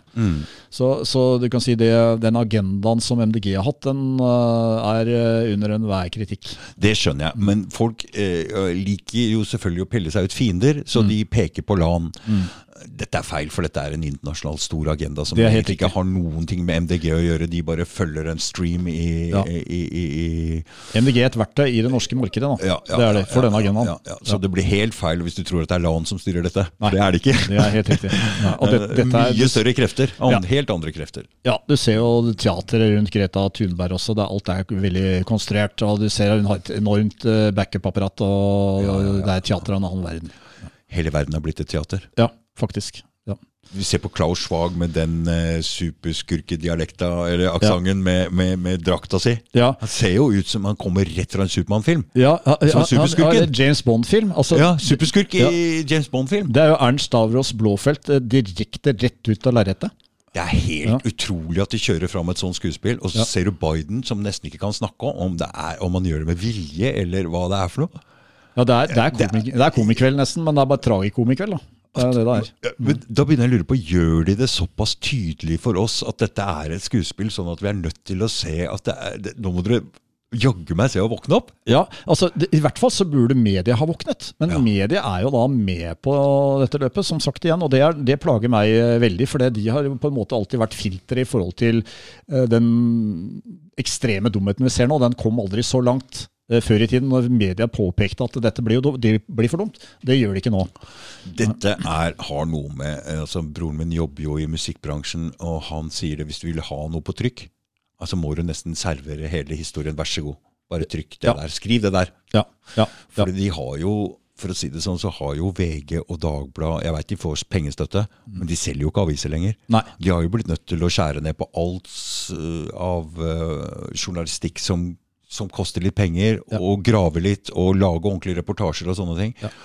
Der er det ikke noe særlig eh, Så de, de, så er- Nei, De serverer jo ikke lenger noe folk har bruk for. Eh, altså Det er jo ingen som i lengden vil betale for å bli løyet for. Eh, og det er så lite interessant det som kommer nå fra både TV-kanalene og fra avisene, at uten statsstøtte, som de nå får alle sammen, så hadde de ikke klart seg.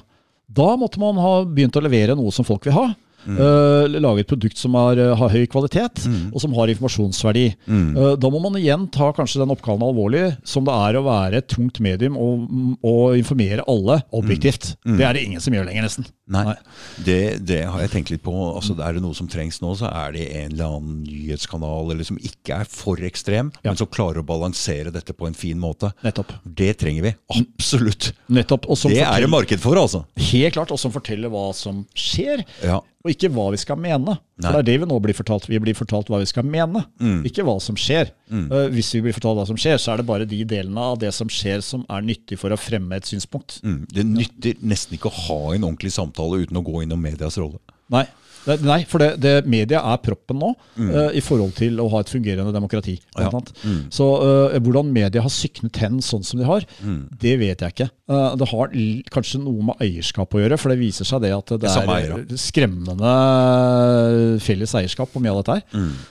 At man kanskje burde løse litt opp i det. Um, Konkurransetilsynet jo, burde jo vært, det var jo deres jobb før, at det ikke var samme eiere på alle, og at det var en viss konkurranse. Ja, da, da, da var det jo en, uh, viss, et visst form for mediemangfold. Mm. Uh, og Pressestøtten skulle jo være med på å opprettholde det, men det motsatte har jo skjedd. Mm. At man har fått servile, systemlojale medier Mm. uh, istedenfor. Uh, som ikke tar de store oppgjørene lenger. Mm. Uh, for de vet at da kan man uh, ligge dårlig an neste gang denne pressestøtten skal deles ut. Og den er jo for, Det forekommer å være litt lemfeldig. Jeg har selv vært direktør for en avis, og Å, ja. da kommer pressestøtten godt med der, selvfølgelig. Eh, men eh, jeg ser at eh, man skal være forsiktig med å diskvalifisere seg fra støtte, som man fort kan eh, gjøre. da. De Snakker man på bakkammeret, disse store mediehusene og de store det, avisene? det, gjør de. det gjør de, for det er mye som er så unisont. Mm. Det er visse eh, fakta som underslås av samtlige medier. De. Innvandring, klima Ja. Eh, ja. Hvor, de, eh, eh, hvor, det, hvor det er helt konsekvent, hvor de driver rett og slett politisk kampanjevirksomhet. Mm, Rett og slett. Og ikke bare det. De, de, de, de driver med virkelighetsforfalskning. Rett og slett fordi de oppgir feil opplysninger. F.eks. når man da sier sånn som jeg da tok opp, og som jeg faktisk TV 2 bet på, uh, så da fikk jeg endelig litt uh, rampelys, uh, at vi, vi, sa i Demokraten at det er ikke bare å kalle hvem som helst for nordmann fordi de krysser grensen i Norge. Mm. det er faktisk et folkeslag som heter nordmenn. Mm. det er oss, det. og hvem som helst skal ikke bare komme og kalle seg nordmenn. jeg tror de vil det? det vår. Tror, de vil, ja, men tror du de vil kalle seg det? Tror du de kaller seg det sjøl? Nei, det, det, vil de faktisk ikke. Nei. Men det er det noen nordmenn som da gjerne vil at de skal gjøre. Ja. Uh, og, og, det er jo ekstremt provoserende overfor oss som faktisk syns at uh, nordmann er på en måte en slags beskyttet tittel. Uh, det er et folkeslag. Det er oss. Mm. Og, og, og, da kan man ikke komme fra Afrika og kalle seg nordmann sånn helt uten videre. Og så kan man si at det er en glidende overgang hvor man Og det har ikke nødvendigvis med etnisitet å gjøre. Født og oppvokst her. Og liksom, oppvokst, det, men det er også et etnisk element her. Mm. Men det er ikke dermed sagt vi sier at det er bedre å være nordmann enn å, eller norsk eller etnisk norsk enn å være en annen etnisitet. Det er ikke det vi sier. Nei. Vi ser ikke ned på andres etnisiteter. Uh, I Demokratene så har vi vært fargeblinde bestandig, sier jeg. Men mm. vi, vi, sier at det er kulturforskjeller, uh, og man har forskjellig levesett. Og man har forskjellig Altså, det er forskjellige folkeslag, rett og slett. Og de, alle folkeslag har sin sjarm, og vi mm, syns de bør mm, bevares. Vi syns amerikanske indianeres skjebne er helt tragisk. Folkeslag som absolutt burde vært bevart, og det mener vi om all verdens folkeslag, egentlig. Og hvorfor skal vi absolutt røre alt sammen i én graut, slik at man på en måte mister både språk og etnisitet og alt. Hvorfor skal vi det? Mm. Uh, er, hvorfor er det et mål i seg selv? Ja, nei, ne, da, da kommer vi jo inn på en, eh, et vanskelig område, fordi jeg veit jo dere er jo litt eh, mot muslimer og islam. Ja, altså Vi er ikke imot muslimer som sådan, men vi er imot ideologien. Eh, islam. Ja. Mm. Men, men, men, la oss se egentlig hva som har skjedd her nå. For det, de har jo blitt litt dårlig behandla og bomba mange av disse landene sønder og sammen, og Irak og sånn. Også. så, eh, så, men at det har kommet altfor mange alt for, altså Det er ikke noe tvil om. Hvorfor kunne vi ikke hjulpet dem der og slutte med den bombinga og alt mulig? Men, men liksom, jeg ser eh, Er det dem sin skyld at de er her? Det er jo noen andre som har styrt i min her. Ja, det er noen andre som har styrt i min her. Og det, jeg mener også det at det er europeiske myndigheter som må ta ansvaret for at eh, det er kommet en influks med personer som ikke er integrerbare. Ja. Eh, det er ikke de personene som kommer sin feil. De, så de vil jo bare eh, ja. ha det bedre i livet sitt og følger en mulighet til ja. så, så, det er forståelig. Ja, de besvarer en invitasjon, de. Ja, så, så, det er forståelig. Så, så, det følger det å gå til Fordi jeg ser jo La meg, Jeg skal fortelle en litt rar historie som du kanskje ikke veit om. ok? Petter Amundsen, vet du hvem det er? Ja. ja. Han eh, fant jo et kart, skattekart i, i Shakespeares eh, skrifter. Oh. Det har jo vært en dokumentar både på BBC og NRK. Og dette skattekartet det leder han ut til en øy eh, utenfor Canada som heter Oak Island. Ja. Der har de gravd etter en skatt i 200 år. Så der ligger det noe veldig verdifullt. Ja. Det han mener, er at der ligger Toran. Den syvarva lysestaken. Kanskje Ark of the Covenant også. Sånne hellige ting. Nå er jo eh, Nå har vi en eh, bef stor befolkningsgruppe med muslimer som har blitt litt radikalisert av den behandlinga de har fått. Uh, bombing, uh, de har føler seg litt dårlig behandling. Altså de har blitt mer uh, muslimsk, går det an å si det? Mm. litt sinte. sånne ting som de kanskje har god grunn til også. Så har vi staten Israel inn i bildet her. Der eh, er det krefter som vil rive den nest helligste moskeen, som heter Al-Aqsa-moskeen. For å bygge det tempelet sitt, som, de, som, det står om at de skal bygge i, på den tempelhøyden. Eh, Petter var litt redd for at når de dro opp den tåraen der, fordi de veit hvor den ligger. Han har pinpointa akkurat hvor den ligger. vet du. Han sier den ligger her. Og de lagde en sånn uh, realityshow på, på History Channel om dette. Men de er fornøyd med det, for nå tjener de penger på Han har sagt de skal lage så og så mange sesonger. Jeg tror de er inne i sin tiende sesong nå. Og nå nærmer de seg ute i myra der, hvor denne ligger. Han er litt redd for at når de drar opp den tåraen, ja. og skatten er reell, skattekartet ligger åpen for alle som har den uten å se på. Og mm, eh, tydeligvis at det gravd ned noe veldig verdifullt her. Det er den ekte Toraen. Når de tar med den hjem til Israel og river Al-Aqsa-moskeen og bygger det tempelet, at det vil sette i gang en slags eh, stor eh, krig mellom muslimer og eh, europeere. og den konflikten er, um, er en reell, uh, reell trussel, ser jeg. Ja. Jeg kjenner ikke den historien så veldig Nei, godt. men så, så, så, så, du får liksom sånne store Og jeg, jeg er ikke så veldig Er det en konflikt vi virkelig vil ha? For jeg ser jo at mange av de er jo på en måte ofre også. Og kan vi virkelig skylde på disse Skal vi krangle med dem, eller skal vi gå til hovedårsaken bak? Skal vi prøve å se litt lenger? Det er derfor jeg aldri har villet egentlig gå inn i den muslim... Um, fiendtlige greia, selv om jeg ser selvfølgelig Ja. at det er et problem. ikke Ja, sant? jeg, jeg, jeg vil ikke si at vi å være fiendtlige, men det er altså en tendens til islamisering av Europa. Ja da. Det er det. Ja da, jeg, jeg, Og- ser jo det. Ja, Og det truer vår uh, way of life. Det ser jeg. Eh, ja, og så Derfor så må vi på en eller annen måte rette ryggen og si at uh, sorry, men nå er vi i Europa, så nå, her lever vi sånn. Ja da. Eh, og det må vi kunne si fra om. Mm. Og så må vi passe på at ikke de eh, gis anledning til å nå kritisk masse. Det vil si at, for det, da starter en slags imperialisme som er umulig å reversere. Mm. Uh, og da viser det seg gang på gang, når land blir så islamisert at de når point og no return, Mm. uh, så blir de islamske. Okay. Det har skjedd med mange land i Midtøsten som ikke har vært det før. Mm. Er- De fleste land i Midtøsten har jo ikke vært muslimske, Nei. men de er blitt det. Ja. Og det har gått suksessivt. Mm. Og det er en samme oppskriften hver gang. Mm.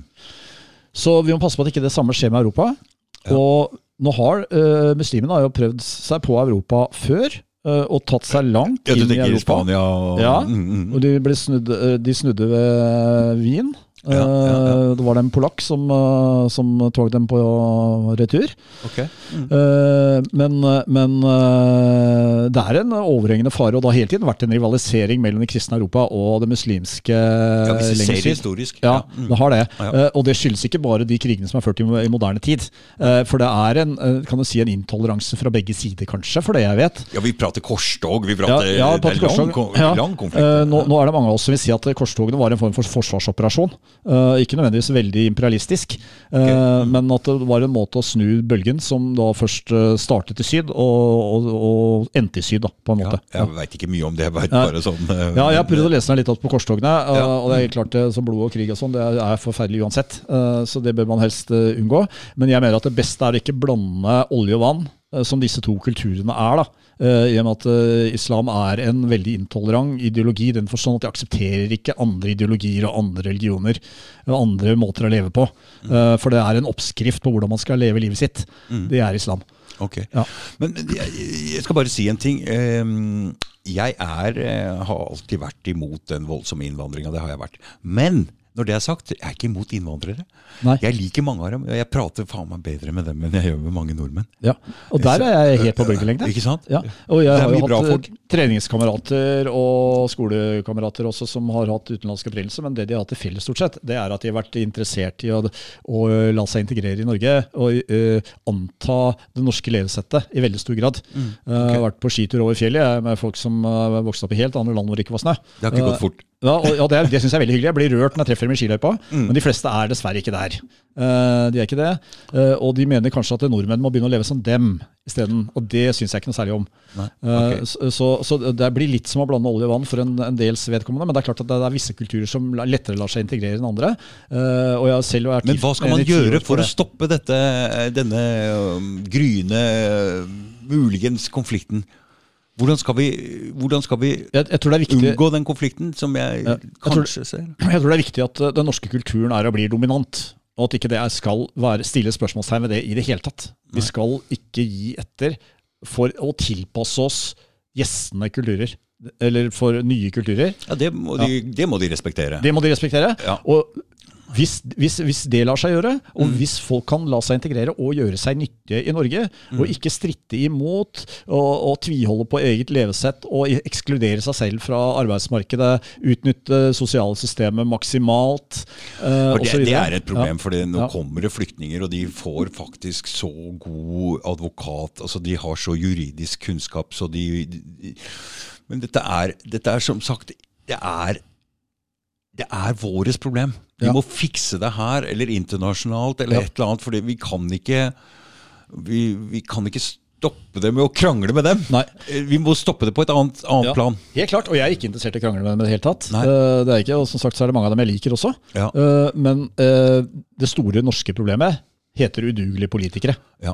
Men- men- men system, systemet er sykt. Men det er ikke bare norske politikere heller. For når vi er med i EU fordi vi er med i EU, så er det jo fri eh, grense og, altså Folk kan flytte og bo hvor de vil innenfor EU og EØS. Så når de slipper inn én million innvandrere inn i Tyskland, så er jo ikke det begrensa til Tyskland. Nei, men allikevel så er det mulig å si at her heter det Norge, eh, her bor nordmenn, Ja. og her bestemmer vi. Og så kan man, hvis, hvis det går så langt, så får man bare skalke lukene, da. Og så får man handle med utlandet, og det kan man gjøre. Men å si at det, eh, det krysser den norske grensa, så er reglene sånn. Ja, jeg, altså jeg mener vi må ut av EU. Ja, Vi må ut av EU, og ut av EØS også. Ja, og ja, ja, ut av Schengen EØS. nå. Ja, ut av Schengen. og hele greia. Ja. det må vi. Hvis vi skal kunne bestemme sjøl. Men da må vi ha andre folk der. For vi er tross alt enige om Og der kommer vi til deg da, Geir! Ja, ja, ja. ja. altså, vi må ha andre folk eh, og styre. Vi kan ikke De er jo enige alle sammen. ja.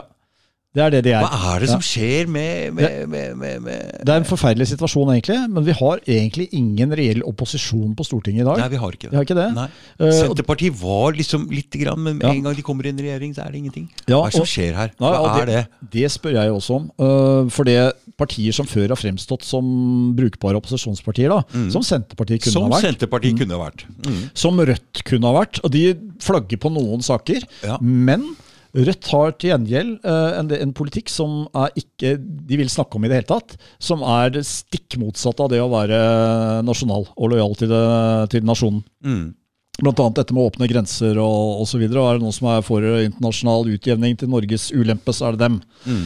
Uh, så, så det er et farlig parti å få sympati med. For det de for, For de har jo en del saker som er bra. Ja, og de har en del saker som er kan du si, litt som å slå inn åpne dører. For det, alle er egentlig enig i det, at vi vil ha lavere strømpriser. Ja. Uh, så det vil de gjerne snakke om.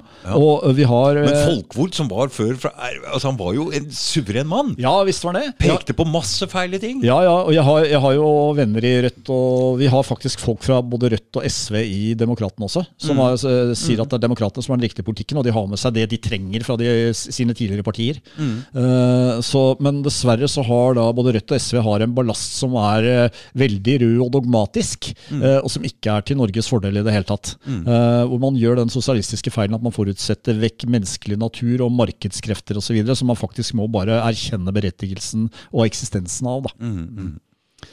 Du, vi eh, hoppa litt fort over hvordan du ble kasta ut av Fremskrittspartiet og gikk inn og lagde et nytt parti. Ja, eh, jeg, jeg ga meg selv et år til å prøve å, å snu Frp i en mer nasjonalkonservativ retning. Ja. Og vi eh, lagde veldig tidlig en resolusjon eh, som gikk på at vi ønsket at eh, Fremskrittspartiet skulle være et, en, eh, et nasjonalkonservativt fyrtårn. Kan ikke du forklare litt om hvordan dynamikken er mellom eh, Oslo og, og, og, og, landsstyret? Ja. hvordan er det fungerer i et sånt parti? Ja, Oslo Fremskrittsparti øh, øh, under meg da øh, var veldig nasjonalkonservativt. Og Det var derfor jeg ble valgt. Så det var nasjonalkonservativt før jeg kom. Ja. Flertallet Ja, i ja, årsmøtet. Altså blant var derfor du ble valgt? Da, derfor ble jeg valgt. Ok, Ja. så, så, Men hvordan er det det fungerer? Er Oslo Fremskrittsparti bør jo være en sterk eh, altså Det er jo den største, største byen. Det er den største, største Jeg vet ikke part, Ja. Er det kommuner er delt inn det her, eller hvordan er det partiet er delt inn? Ja, altså, det, det, er jo, det er jo fylkespartier. Fylkespartier, ja. Fylkespartier, da burde jo. Oslo, være en av de store, største. Ja. Det er jo det et av de mest folkerike. Altså, du har Viken nå, som er større. da. Ja, Eh, ja. etter- Når de nye fylkene kom, så ble det veldig svært. Ja, det er klart. Ja, Mm. eh, men, eh, men Oslo er også stort, Ja. eh, og, og etnisk uh, kulturelt litt spesielt, selvfølgelig. Fordi man har et veldig stort innslag av immigranter. Mm. Uh, Litt som andre store europeiske og amerikanske byer. Mm. Uh, og Derfor så blir også den politiske sammensetningen litt annerledes. Ja. Og det å være nasjonalkonservativ i et sånt marked er litt annerledes og vanskeligere enn å være det i Utkant-Norge. Ok. Ja. Uh, for man, man, tenker annerledes og stemmer annerledes. Uh, og man ser jo også det at uh, det er de sosialistiske partiene som stort sett har vunnet terreng i de store byene. Vi så det under, amerikanske, under det amerikanske valget. Mm. og vi ser det i Norge også. At nå er jo de store byene stort sett røde. Ja. Uh, og det kan noen si er litt uh, trist, men uh, det handler litt om også at man må skreddersy politikken da, til det bymarkedet man er i. ikke nødvendigvis for å fri til kan du si, andre ideologier osv. Jeg tror det er veldig dumt å begi seg inn på det. Falle for den fristelsen, sånn som Høyre har gjort. KrF. Og, KrF har gjort, og Arbeiderpartiet har gjort blant ja. annet, mm. som har mistet mye av sin identitet og sin nasjonale troverdighet ved å gjøre det. Fordi de går etter bare hva som er mest populært? Ja, det gjør de. Mm. Og de ser at nei, nå er det så mange av den og den kulturen her at nå må vi ha de velgerne. Så, så de har egentlig ikke en egen De bare de snur kappene etter vinden. Ja. Også det de ikke skjønner, er at de heller babyen ut med badevannet. For det, de som hadde håpet at noen skulle ta vare på Norge, de ser ikke det lenger i sitt gamle parti, og så leter de etter noe nytt. Mm. Det nye nå Eh, for veldig mange, det er demokratene. Derfor vil ikke media slippe demokratene til. Eh, fordi vi er et nasjonalkonservativt eh, parti som setter Norge først, og alltid vil sette Norge først. Helt konsekvent. Mm. Det gjør ingen andre partier. Mm. Det er bare Men du ble kasta ut av Fremskrittspartiet. Hva var det for slags maktkamp som skjedde her? Det? det var Jeg nærmet meg jo slutten på det året jeg hadde gitt meg selv. Mm. Du hadde gitt deg sjøl ett år som leder der. Ett år mm. som leder. Uh, det vil si Prøve å forandre hele Fremskrittspartiet via Oslo ja. kommune Eller hva heter ja. det? Ja, heter Oslo fylkeslag.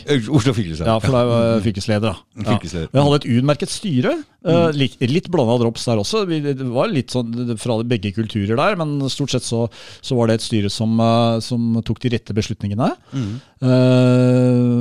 men jeg slet med resten av partiet. Og også da deler av uh, Oslo uh, Frp, uh, da. gjorde det. Mm. hadde vel ikke så veldig heldig kjemi med bystyregruppen, blant annet. Jeg satt jo der selv i bystyregruppen. Mm. Men våre representanter i, i, bystyret var kanskje ikke helt etter min smak. Uh, fordi de hadde da et litt annet syn på ting. Jeg sier ikke noe negativt om personene, men rent politisk så var vi ikke vi særlig i harmoni. Mm. Uh, det var vi ikke. Jeg syns ikke man satte Fremskrittspartiet nok på kartet. og mente at det var Fremskrittspartiet som måtte ta den nasjonalkonservative rollen, i Oslo som i resten av landet. Mm. og at uten den rollen og uten den profilen, så har ikke Fremskrittspartiet noen unike selling points. Blir for likt. Ja blir for likt. Det blir altfor likt, og da, man, eh, da, blir det bare sånn metoo-politikk. Altså det vil si at vi gjør akkurat som alle de andre. Mm. Og det syns jeg er dumt. Det vet jeg fra næringslivet. At uh, man er nødt til å ha noen uh, unique selling points, som det heter. du må være unik på noe for å kunne hevde deg i et marked. Helt, du må være best på noe. Ja. Ja. Mm. det vil ikke Frp være da. Uh, uh, for det på, på, økonomisiden og sånn med skatter og avgifter så var jo Høyre omtrent der Frp var. Og, uh, så man var klart antisosialistisk på økonomisiden. men så begynte Frp å gi etter etter eh, når det gjaldt dette med nasjonal suverenitet. Eh, de gjorde en hel masse ting som eh, de kanskje ble lurt til å gjøre av Høyre, men de burde ha satt ned foten. Og det irriterte meg, at ikke de, at ikke de passet på integriteten til partiet og, og, etterlevde de løftene som de hadde gitt til velgerne, eller de forventningene som velgerne hadde til Frp. Mm. Det gjorde de ikke. De ville heller ikke innse det at størsteparten av FrPs velgere var nasjonalkonservative. Det er fortsatt mange i Frp som er nasjonalkonservative, og som setter sin lit til Frp fordi det er det største partiet, og det er de som er på Stortinget. Mm. Jeg tror det er en feil de gjør der. Rett og slett fordi at det er et uh, liberalistisk flertall i partiets ledelse mm. uh, som gjør at de vil gå den veien uansett. Mm. Og de vil aldri kunne levere fullt og helt Uh, i nasjonalkonservativ retning. Uh, og da, da, vil man etter hvert uh, bare gjøre ting som gjør at nasjonen forvitrer. Mm. og det er det de gjør, med å underskrive FNs migrasjonspakt. Det skulle aldri vært gjort. de skulle ha stilt ultimatum kabinettspørsmål, eller kall det hva man vil, på dette med, med kvoteflyktninger. Sagt ikke en eneste kvoteflyktning hvis vi skal underskrive dette budsjettet. Det gjorde de ikke, men de fortsatte i regjering. Uh, og en hel masse andre ting de gjorde også, som slett ikke var bra. Dessverre. Det, det, det som er problemet med å slippe inn for mange um, flyktninger, eller hva, hva, utlendinger, da, si det, det skaper mer rasisme. Det skaper, og det, og det, er ikke bra for de som er her heller. Nei, det, det, for det, blir dårlig stemning. Ja, det blir dårlig stemning. Og hvis man hadde mestret det å få inn immigranter, uansett hvor de kommer fra, som er i stand til å gjøre nytte for seg. Mm. Eller sette press på dem, sånn at de må ut igjen hvis ikke de gjør nytte for seg innen x antall år. Det burde være en deal, grei deal. Hva slags, slags deal de har i Kuwait, eller? Kom hit og jobb, vi tar fra dere passet. De sier ja. Ja, ja, ja Fordi det, det er ok for det. Ja. Men vi må ha en slags deal. Vi må stille krav. At Stille krav. du, Det, og det er helt fair. du skal kunne norsk, og du skal ha jobb innen tre år. Ellers så må du dessverre reise igjen. Ja. Det tror jeg er en deal alle hadde gått med på. Ja, ja, ikke sant? Det er ikke verre enn det. Det er fair and square. Ja, fair Men det square. gjør vi ikke. Det sklir år ut og år inn. Og så får vi da regnestykkene fra SSB som viser at en kvoteflyktning i snitt koster 20 millioner kroner. Mm. Over et livsløp. Det betyr at hvis man tar inn 3000 kvoteflyktninger, så påtar man seg, bare med de 3000, så påtar man seg 60 milliarder kroner i forpliktelser. Med de 3000. Nå er det bare det at det er ikke 3000. Det er 10 000. Mm. Og da er det, da er det plutselig Da er det, skal vi se, da er det, tre, da er det, da er det, da er det 200 milliarder Mm, mm. så, som de påtar seg forpliktelser hvert eneste år pga. familiegjenforening. Og så ser vi jo Ja. drypp i avisene her hvor folk liksom Det, det skaper konflikter. ok? Ja. Så det, det blir dårligere for de som er her. Og, Ja, det gjør det. Så, så, så, så det er ikke noen heldig situasjon på noen måte. Men når man har fått de 20 millionene ned i null, da, Mm. så hadde ikke jeg hatt noe problem med det. Altså, Det har ikke noe med hudfargen å gjøre, eller at de kommer fra et annet sted i verden, eller noe som helst. Mm. Uh, Men så lenge det er en belastning for samfunnet, som vi andre da må kompensere for, Mm. uh, og hvor de da tar en masse ut av velferdssystemet, som er et lukket system, det er sånn med et velferdssystem at du kan egentlig ikke ta ut mer enn du putter inn. Nei. Men når du da la, eh, tillater en tusenvis av mennesker å putte sugerøret inn, uten, bare suge, uten å putte noe tilbake, Mm. så vil velferdssystemet etter hvert kollapse. Mm. Det er det som skjer. Mm. For det er så store forpliktelser nå at hele oljefondet er brukt opp og mer til. Uansett hvor stort oljefondet blir omtrent. Dessuten så har norsk eh, privatøkonomi så stor gjeld at det kanskje Ja. Altså, vi er forgjelda. Vi er forgjelda, vi er forgjelda, og det er Norge også. For det, de forpliktelsene som man påtar seg ved å ta inn kvoteflyktninger som vi vet vil koste så og så mye, burde vært balanseført Mm. i nasjonalregnskapet. Jeg mener jo at uh, de burde vist fram forslag, altså det budsjettet de har. Hva bruker de penger på? Mm. Hvordan ser det regnskapet ut? Det burde vært offentlig. Ja, det burde det vært. Fordi dette er jo økonomien, det er jo våre penger som de forvalter, så dette Ja. må være åpent. De kan ikke bare døtte ut uh, ditt penger hit og dit. Vi Nei. får se regnskapet! Får se regnskapet. Og så må, vi få, eh, så må vi få en skikkelig gjennomgang, så vi ser om vi faktisk er verdens rikeste land eller ikke. For vi, det, jeg mener at vi ikke er det. Som økonom så tør jeg påstå at vi er slett ikke verdens rikeste land. Vi er forgjeldet. Vi har uh, forpliktelser til oppover ørene. Ikke minst pga. all immigrasjonen som vi har hatt de siste 40-50 årene. Så har vi forpliktelser, pensjonsforpliktelser hvor vi ikke har fått tilsvarende inn i kassa som det vi er nødt til å betale ut. Ja. Vi har fått pensjonsforpliktelser, Ja, ja mm. I tusenvis av milliarder. Ja. Mm. Ja, dette har jeg veldig lite peiling på. Jeg har jo ikke sett noe regnskap eller Nei, nei. noe inn i dette. Dette er jobben min for så vidt, å, å se hvordan en bedrift er liv laga eller ikke. Og jeg Ja. ser, det jeg ser når det gjelder Norge, det, jeg ser, det er ikke bra. Nei. Nei. Og nå får vi krise på krise på krise, og Ja. kanskje matvaremangel, og nå Ja. blir det, nå blir det tider, Geir. Ja. Men- Men da er det viktig Altså, det er jo et skifte. Ja. Og det er kanskje viktig at vi har et parti som Demokratene, som det går an å For det, yes, det er jo ikke noe annet Altså, vi må ha noe annet. Ja, og det, det må vi, og det var det jeg kom til, da, hvis jeg skal bare avrunde dette med Frp. den korte ja, Frp-karrieren. ja, ja, ja, ja. Jeg hadde vært noen, år i Frp, men det var det siste året. Mm. Uh, jeg skal nok aldri tilbake dit hvis ikke det skjer noe veldig dramatisk. Så det måtte bli en fusjon, og da må de bli veldig like demokratene for at det skal skje. Det tror jeg aldri skjer. Mm. Uh, så, så ble det nå den gang slik at uh, det gikk nesten som forventet. Det var jo ett av to som måtte skje. Enten så måtte jeg klare å snu partiet. Da måtte jeg bl.a. få en del resolusjoner behandlet i landsstyret. Det fikk jeg ikke. Alt sammen ble silt ut lenge før det kom så langt. Og til landsmøtet kom det heller ikke. Uh, det vil si at landsmøtet fikk da ikke tatt stilling til de forslagene som Oslo Frp hadde for kursendring for Frp. Uh, det var det en partiledelse som slett ikke ønsket å ha til behandling. Uh, men da gjorde jeg i hvert fall det forsøket. Og det var det jeg hadde sagt at jeg skulle gjøre. Og så måtte jeg finne meg noe annet. Uh, og det gjorde jeg da ganske fort etter at jeg ble ekskludert. Jeg visste jeg ble ekskludert. Uh, 15.12.2020. Har det skjedd med noen andre at de har blitt ekskludert? Ja, det har skjedd med flere. Det er mange som er ekskludert fra Frp. Oh, ja. Mm. Ja, eh, det er det. Og veldig mange fulgte meg, enten fordi de meldte seg ut, eller fordi de ble ekskludert fordi de var lojale til meg. Mm. Ja. Så det var jo hele lokallag som ble med over til Demokratene. Ja. Veldig For dette skjedde jo i 2020. eh, 2020. Ja. At dere valgte et sånt navn, da. For det, når vi ser på USA, for det, USA var jo veldig inne i Ja. bildet i 2020. Der er jo demokratene Ja. venstresida. ja. Det var bare det at eh, partiet var registrert. Jeg vet. Det hadde levd allerede i 18 er år. Jeg klarer det. Ja. Mm. Eh, under en tidligere Frp-kollega av meg, Vidar Kleppe. Jeg vet. Mm. Uh, og jeg kjenner Vidar fra før som en helstøpt politiker. Mm. Uh, og visste at jeg ikke ville ha noe problem med å samarbeide med han. Uh, han er jo unik på mange måter. Han er skikkelig ombudsmann uh, for velgerne sine uh, i Agder og Kristiansand. Uh, og han kan også hevde seg på riksplan. Han har vært på Stortinget før, og absolutt en som kan være god å ha nå, uh, når vi skal på Stortinget igjen. Um, Nå med Demokratene. Og det var jo for Frp han satt tidligere. Ja. Uh, men uh, det jeg så, var at uh, vi trengte jo da en bærerakett for et nasjonalkonservativt parti. Og da måtte vi ha et parti som allerede var i business, mm. som var godkjent for valg. Ja. Og som hadde en politikk som ja, uh, vi kunne like. Mm.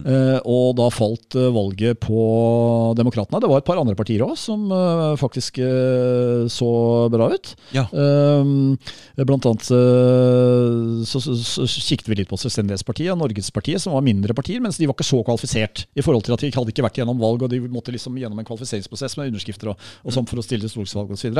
Mm.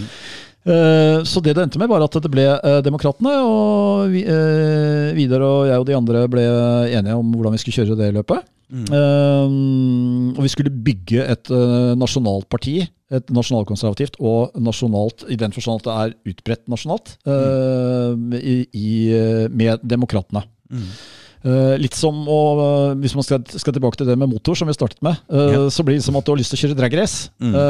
Du har kanskje ikke råd til å kjøpe deg en helt ny dragster, mm. så, så du må bygge en. Og da trenger du i hvert fall et holdbart chassis. Ja. Ja, og det chassis, det var Demokratene. Mm. Og Så kunne man jo bygge videre på det, og det har vi gjort lagt sten på sten. Både de som var Demokratene før, og vi nye som kom til sammen. Så det ble et sånt felles prosjekt av det.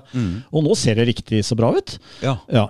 Så, så, så nå er jo neste stopp nå, det er kommunevalget til neste år. Eh, og da er vi allerede inne i mange kommunestyrer, sånn som med den oppslutningen vi har i dag. Mm. Uh, vi fikk en, en, en, eh, en uh, partimåling i, dag, i dag, var det vel i morges, fra Aftenposten, som viser at i Oslo så har vi over 3 Mm. Hva betyr det? Det betyr eh, med 3% oppslutning i Oslo altså 4% er jo sperregrensen på stortingsvalg. Okay. 3, mm. Så det, det sier litt om proporsjonene her. Da, så da begynner, du, da begynner du å gjøre deg gjeldende. Mm. Eh, med 3% så kvalifiserer vi vel litt over 3% faktisk. Eh, Kvalifiserer vi til, et, eh, til to eh, plasser i bystyret. Ja. Ja. Eh, og det, det skal vi ikke kimse av. Det betyr at vi kan sette, være med å sette agendaen i, i, eh, bystyret. Hva Eh, betyr det økonomisk for et parti at du får noen plasser? For da kan du være hel Er det Det har jeg ikke regna på, men det er, det er noe honorering for å, å, å, å sitte i bystyret og, å sitte i diverse utvalg osv. Ja, for det må jo noe penger inn i for å være Det er jo en jobb, dette her. Ja. Ja, eh, det blir jo det. Det er fulltidsjobb. Og Ja. det er det jo for meg nå også. Jeg er jo fulltidspartileder. Jeg er den eneste som er ansatt i, i Demokratene. Resten jobber jo frivillig, og de jobber eh, utrolig bra også. Jeg er veldig imponert over hva folk utretter. Eh, og jeg er veldig takknemlig for at jeg har det teamet rundt meg som jeg har nå. Vi har fått et kjempebra sentralstyre. Eh, Stort sett med folk som har kompetanse på et eller annet, som gjør at de bidrar i et fellesskap, som gjør at det totalen blir veldig bra. Eh, og vi har, vi har tillitsvalgte og medlemmer rundt som, som, som jobber masse, og det, det er fortsatt en dugnadsjobb å gjøre. Det er det jo i alle partier. Ja da. Det er et, liksom, det er, selv fra meg så blir det jo et, et, et element av dugnadsjobb. For det, Altså, vi- Hadde du ikke brent for dette, så hadde du ikke Nei, det hadde vi ikke gjort det. Da hadde vi tatt det som bedre betalt et jobb et annet sted. Ikke sant. Ja, men, eh, men det er for å realisere den eh, drømmen man har om at man skal gjøre Norge til et bedre eller et sikrere land å leve i. Eh, og man har etterkommere. Jeg har mange barnebarn. Uh, Ja. Og jeg har mange venner. Og, og jeg er veldig glad i det norske folk og folk- folkesjela og alle de jeg treffer rundt i landet. Eh, så er det mye flotte folk. Ja. Og jeg skulle gjerne gjøre dem en tjeneste. Ja. Eh, Er det hyggelig å reise rundt sånn og treffe folk fra forskjellige Veldig. Ja. Mm. Det har vært uh, mang en eh, hyggelig samtale med folk i deres eh, lokalmiljø. For her prater vi om det du prata om i stad, med å liksom få et liv som er kvalitet, som treffer mange folk og Ja. Ja. få et stort liv, da. Ja, he helt klart. Uh, og det, det, bidrar i hvert fall til at jeg får mye ut av min tid ja. uh, ved å snakke med så mange mm. og få så mye påfyll, da, mm. både som politiker mm. og som mm. menneske. Ja, jeg skjønner, ja. skjønner Mange menneskeskjebner. Noen har triste historier, andre har veldig flotte, imponerende historier. Uh, og, og, alle kan fortelle noe om livet som ikke jeg visste fra før, stort sett. da. Ja. Så, så, sånn sett så blir man jo et stadig mer komplett parti når flere demokrater demokratene enn meg også gjør akkurat det samme. Mm. Lytter til velgerne mm. og omsetter det i praktisk politikk. Det er mm. vårt mål. Uh, vi ønsker ikke å sitte med en joystick inne i Oslo eller Kristiansand og styre et riksparti. Vi skal ut og høre hva folk er opptatt av, og faktisk komme med noe som de er interessert i å ha. Mm. Ja. Du har vært land og strand rundt, og kjørt ut med den motorsykkelen din. Ja, jeg har det. Du, eh, den Hayabusaen, hvor mange hester er i den? da? Den er det 204 hester i, den jeg har. Det er det råeste som er det der, eller? Eh, jo, det var det. Det var mm. kongen i mange år. Ja. Nå har det kommet noen som eh, er eh, enda litt hvassere. Mm. Eh, men Hayabusaen er fortsatt en sånn høyfartskonge. da. Mm. Den er jo laget for autobahn, ja. men den er så sporty at den duger veldig godt på å svinge til norske veier også. Jeg kan godt ta den på banen for relativt gode rundetider, men ja. Men det er tung stor, eller? Den er tung. Det, til å være sportssykkel, mm. så er den tung. Uh, så, 200 kilo? Eller? Den veier 220 eh, kilo. Oh ja, det er mye sykkel. Det er ganske mye sykkel. Mm. Uh, Men den er ikke så rykkete sånn som den G6-eren som jeg har ute der? Nei, den er relativt komfortabel. Ja, den er lang og lav. Uh, og på autobahn så går den som en rakett. Ja, Helt lang opp, og lav, ja. ja mm. Helt opp til uh, ca. 310 km i timen. Mm. Uh, og, og, den er stø som et lokomotiv. den er kul å kjøre rundt med i Norge. Ja, veldig fin. Ja. Veldig fin. Så jeg blir... Hvordan er veinettet rundt omkring i Norge? Veinettet er så som så, men jeg er jo glad i svingete veier. Altså, motorvei blir litt kjedelig hvis man skal holde ja, fartsgrensen, og det må man jo stort sett. Så, så, da er det bedre å kunne ligge akkurat på fartsgrensen og ha det moro, som man mm. kan på en svingete norsk landevei, hvor det er 80 kanskje. Og så kan man faktisk ha ganske godt driv og føle at det går litt unna, da. Men er det flere av dere som har sykkel, eller dere kjører aleine denne sykkelen? Nei da, har, vi har bl.a. en nestleder som kjører Harley, uh, Tom Øman. Mm. Um, han har vært med på veldig mye. Han uh, jobber mye mer enn noen kan eh, kreve. Mm. Uh, og han hiver seg også med på noen av disse rundene. For det er jo hyggelig å, kjøre flere når du kjører sykkel, eller? Ja, det, det er hyggelig. Det, ja, det er det. Så ja. nå hadde jeg jo en tur nå hvor jeg tok med meg alle fylker. Helt opp til, til Troms. Så nå starter vi på Troms nå. I morgen så flyr vi til Harstad. Ja, for det nytter ikke å kjøre sykkel. Nå blir det for Nei, nå blir det litt for kaldt. Og så ble for langt. Og kaldt og, ja, ja. Ja, og det ble for langt da, så jeg måtte snu etter å ha tatt Lofoten. Så kjørte jeg sydover igjen. Og da hadde jeg vært gjennom samtlige fylker syd for Troms uh, i sommer. Så den har rulla noen mil, for å si det sånn? Har rulla noen mil, det, blir, det renner på noen mil. Og så er det uh, ett til to møter hver dag uh, hvor jeg treffer medlemmer og tillitsvalgte. Uh, der jeg kommer. Så ja. det, det, Den ruta ble lagt opp på forhånd av gode folk i partiet. Uh, så jeg kom til dekket bord uh, overalt med veldig hyggelige tillitsvalgte som ja. var glad for å se partileder. Ja. Og jeg fikk masse input. jeg vil helst lytte mer enn jeg snakker, men det blir sånn omtrent 50-50. da. For det trenger man. Man trenger å reise ut. For dette her dette er jo problemet blant politikere. De har fjerna seg så totalt fra befolkningen. Det er omtrent bare Jan Bøhler som jeg ser ute blant folk. Ja, det er det. Det er, det, det er helt riktig. Han er, han er, en folkelig eh, politiker. Mm. Uh, og, men kunsten er jo da å omstille det man lærer der ute, i noe som svinger også i rikspolitikken. Mm. Uh, så du må også kunne sette dette her i system og banke gjennom uh, ting som uh, folk er interessert i. For det, Ellers så blir det fort at man bare prater, og det må man heller ikke gjøre. Så må man beherske liksom hele verdikjeden. Da. Mm. Fra informasjonsinnhenting hos velgerne og helt ut til praktisk politikk. Så det kommer noe tilbake igjen fra oss. Når er neste valget? Neste valg? Ja. ja, det er nå til neste år. 2023, ja. da er det kommunevalg. Ja. Og så i 2025 er det stortingsvalg. Mm. Uh, og hvis vi gjør det bra, noe jeg tror vi gjør nå, uh, jeg er temmelig sikker på det, i kommunevalget mm.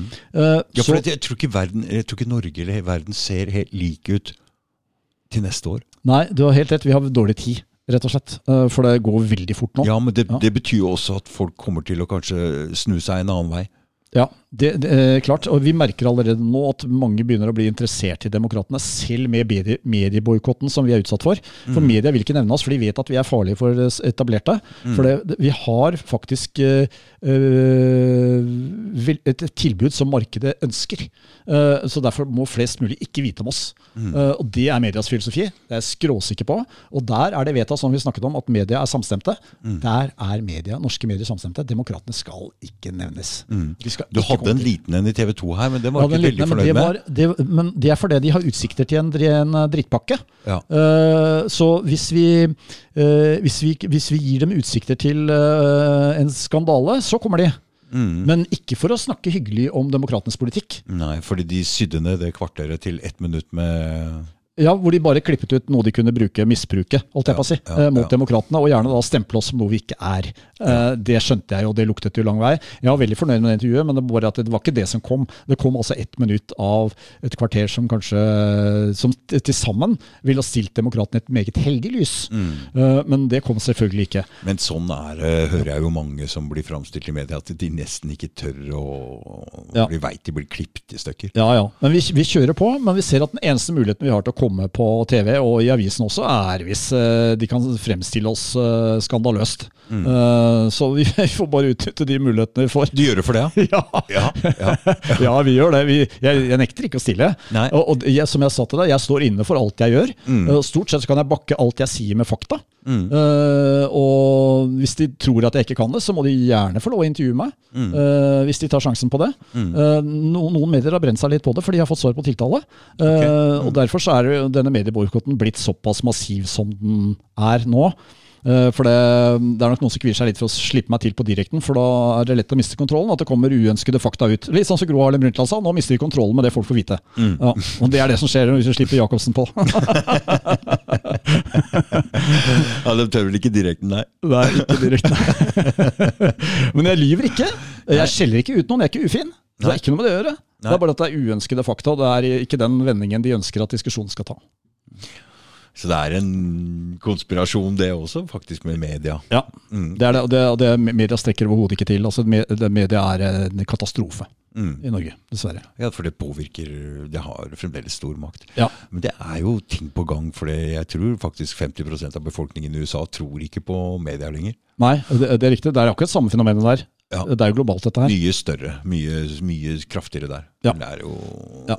Så Trump hadde, eh, har hatt en påvirkning når han sier fake news, Ja. og det ble en, eh, ble en greie. det altså. Han fikk vekket folk. Mm. for det var mange som ikke hadde tenkt over hvor propagandistisk media er. eh, For det har det vært. Før Trump sa det. det, er- det er. Mm. ikke tvil om det. Jeg så det der for lenge siden, under første Irak-krigen. For da var plutselig Saddam Hussein en av verdenshistoriens fem ondeste menn. Jeg bare tenkte, hva, er det som skjer her? Ja. Mm. Da var han på midtsida i VG, sammen med Stalin, Hitler, Genghis Khan og vet du hvem Ja, som var der. Jeg bare, hva, hva, skjer her, skjønner du? Ja, den demoniseringen. Ja, jeg ble helt Ja. Den krigen gikk jo direkte på CNN, så jeg satt jo og fulgte med her. Ja, ja, det, jeg grep meg også. Dette er jo fælt å sitte og se på dette som et slags show. ikke sant? Ja, det var, Ja, nei, det, det var ikke bra. og Her dør jo folk. Og alle var helt enige. Alle var helt enige. Yes! Ja. Så gikk de Han prøvde å gi seg hele tida, vet du. Ja, ja, ja. Altså, jeg bare Kan jeg få det? De bare nei. Jeg bare Oi!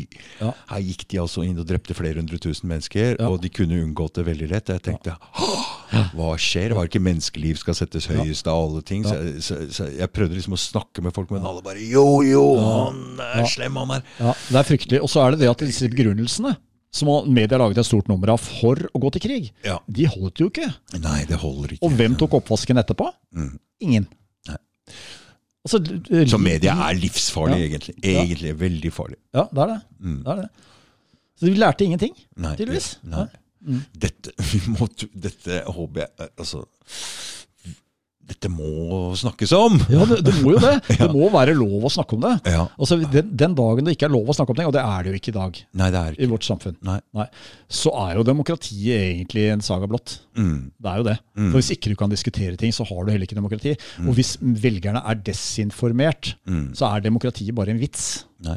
Det har f.eks. vært i innvandringsdebatten også aldri lov å kunne snakke om det. Da blir det sagt nazist. Ferdig. Ja, ja. That's it. Ferdig. Ja. Og dette er et, det har vært et kjempeproblem, for det, det skaper bare grobunn for mer rasisme. Ja. Kjempeproblem. Absolutt. eh, absolutt. For alle involverte. Ja, og egentlig så burde jo dette med å, å stemple folk som kan du si, ting som ingen vil ha hengende ved seg, ikke sant? som nærmest ligner på karakterdrap, det burde jo også vært slått hardt ned på, men det blir det jo ikke. Nei. Nei, det, blir bare lov, det får bare lov å henge der. Mm. Uh, og det, det syns jeg er rart, for det er så mye annet man slår veldig hardt ned på, som man faktisk nesten overreagerer på. Skulle man kanskje tatt en sånn sak til rettssystemet? Ja, Jeg syns kanskje det er på tide. Fordi hva er en rasist? ja, Altså, Mm, la, oss, la oss få definisjonen på hva det er, da. ja, Og hvilken konsekvens skal det ha Ja, å stemple folk som nazister i offentligheten? Ja. Altså, øh, Jeg er alt annet enn nazist. Familien min kjempet og falt øh, mot nazismen øh, under annen verdenskrig. Mm. Det siste jeg blir her i verden, tror jeg, det er nazist. Mm. Og hvis noen skulle kalle meg det, så er jo det også et forsøk på karakterdrap. Det- og det- og det det være er en blodig krenkelse. mm. Og hvorfor skulle ikke det straffes, da? Jeg er helt enig. Det Ja. burde kanskje vært prøvd i rettssystemet. Det der. Ja, det burde egentlig det. Så du får stopp på det. Ja. Hvis det får konsekvenser for livet ditt, og det ikke stemmer, og vi får definisjon på hva slags ord vi bruker her. Ja, så- klart. Så man alle, alle vet at det er fælt å være nazist, eller en en nazist er fæle greier. Uh, og da bør det kanskje ikke være så lett å stemple folk som det heller. Mm. Uh, altså Uten at man må betale noe for det. Ja, Nå er jeg ikke helt skjønt hva det der er egentlig sjøl. Nei. Nei, det der um, Bruk av det ordet der. Nei, jeg tror ikke de som bruker det, vet hva det er engang. De vet ikke hva det er. Det sitter så løst. Men Ja. det, hadde det hatt Nei, det er, konsekvenser, så eh, hadde det kanskje ikke sittet så løst. Nei, det der er et ord som de bare må få bort. Ja, helt enig. Det er misbrukt. Det har ingenting med annen verdenskrig å gjøre. Nei, ikke det- ikke det tatt. Ingenting. Nei, ikke, ikke det hele tatt. Så det er helt feil. Men, Det er mange så- gode mennesker som har fått det stempelet på seg, og de som stempler, slipper unna med det. Mm. Ja. Geir, er vi i mål, eller er det noe mer du har lyst til å si, kanskje? Du har Eh. tenkt at du ville ta fram? Uh, nei, det er ikke så mye mer. Vi snakket litt om dette med min sønn, som du var litt interessert i. Jeg tenkte Hvis, hvis Ja. du ikke ville ta det her, så vil jeg gjerne ta det opp, fordi jeg har Ja. en sønn sjøl òg. Ja, nettopp, for da, da, kan vi, da kan vi ta det der. For det, Mm, mm. ellers så er det noe som kan googles uh, også. Ok. Ja. Mm. Jeg øh, Men det er et veldig ja, Jeg vil ikke snakke om det her. Nei, nei, nei. Men det kan, vi, det kan vi ta på tomannshånd. Det har jeg gjort med veldig mange. Mm. eh, også masse foredrag om det. Ja. Eh, så, så det er nyttig. Eh, det dette med livets areal da, som jeg unner alle å få. Mm, Så mm. det kan vi ta en annen gang. Arealet ditt har blitt bra, ikke sant? Arealet mitt er jeg godt fornøyd med. Ja. Så jeg kan eh, sitte og humre og være fornøyd med det jeg har fått så langt, eh, faktisk. Og For det, det alt jeg får viktigste, nå. viktigste er å ha en, treffe folk og Ja. virkelig få lov å leve. Ja, helt klart. Mm. Vi er sosiale vesener, Mm. og vi må på en måte ha en slags relasjon til, eh, til andre. Mm. Og det å gjøre noe for andre, det er ikke noe som er noe særlig mer tilfredsstillende enn det. Helt enig, Mm. Geir. Hvis du er klarer å gi noe, hvis du har noe å gi, Ja, prøv å gi. Det er, Ja. det, det, smak, det er så fint. helt klart. Og hvis alle gir, så får alle også. Og et forhold, f.eks. for vet, du, vet, du hva? vet du hva? Den energien du utstråler når du gir noe, den er det samme som at du får. Det er, Det, det er helt utrolig. Ja, Hvis, men hvis du kommer inn med ener- energi om at du skal ha noe, ja. det er samme energien. Du får ikke noe. Nei. Du får ikke noe. Nei, Så, så det er. Det- er nøkkelen til et godt forhold. ja. At begge gir. Mm. ja, men, men det kommer automatisk. Hvis du går inn med en sånn gi energi, du får tilbake på så mange andre områder, så du bare begynner å tenke over det. Ja, det er det, det, er det man gjør. Ja. Du kan bare ta julaften. Jeg syns det er morsommere å se noen pakke opp noe jeg har kanskje brukt litt tid på og, og, og omtanke på Ja, og, ja. og gi bort, Ja. eh, enn å få gave selv. Du, Eh, hør nå. Så jeg hadde båt, ok? Så jeg tenker det å ta med folk ut og gi dem en tur det er, jeg, skal ikke, hva, hva, jeg har ikke noe ut på den båten der å gjøre aleine. Jeg fisker ikke. Nei, nei. Så det er ikke noe for meg. Nei. Det er for å gi noe til andre. det er der hele greia ligger. Ja, Det er, nøkkelen til, eh, det er mye av nøkkelen til et godt liv. Mm, Akkurat det. Mm, ja, det er sånn det er. Greit. Tusen takk, Geir. Det var, eh, takk det samme. Ja, det var hyggelig. Ja, absolutt. absolutt. Vi prates. Ja, ja, hei. hei.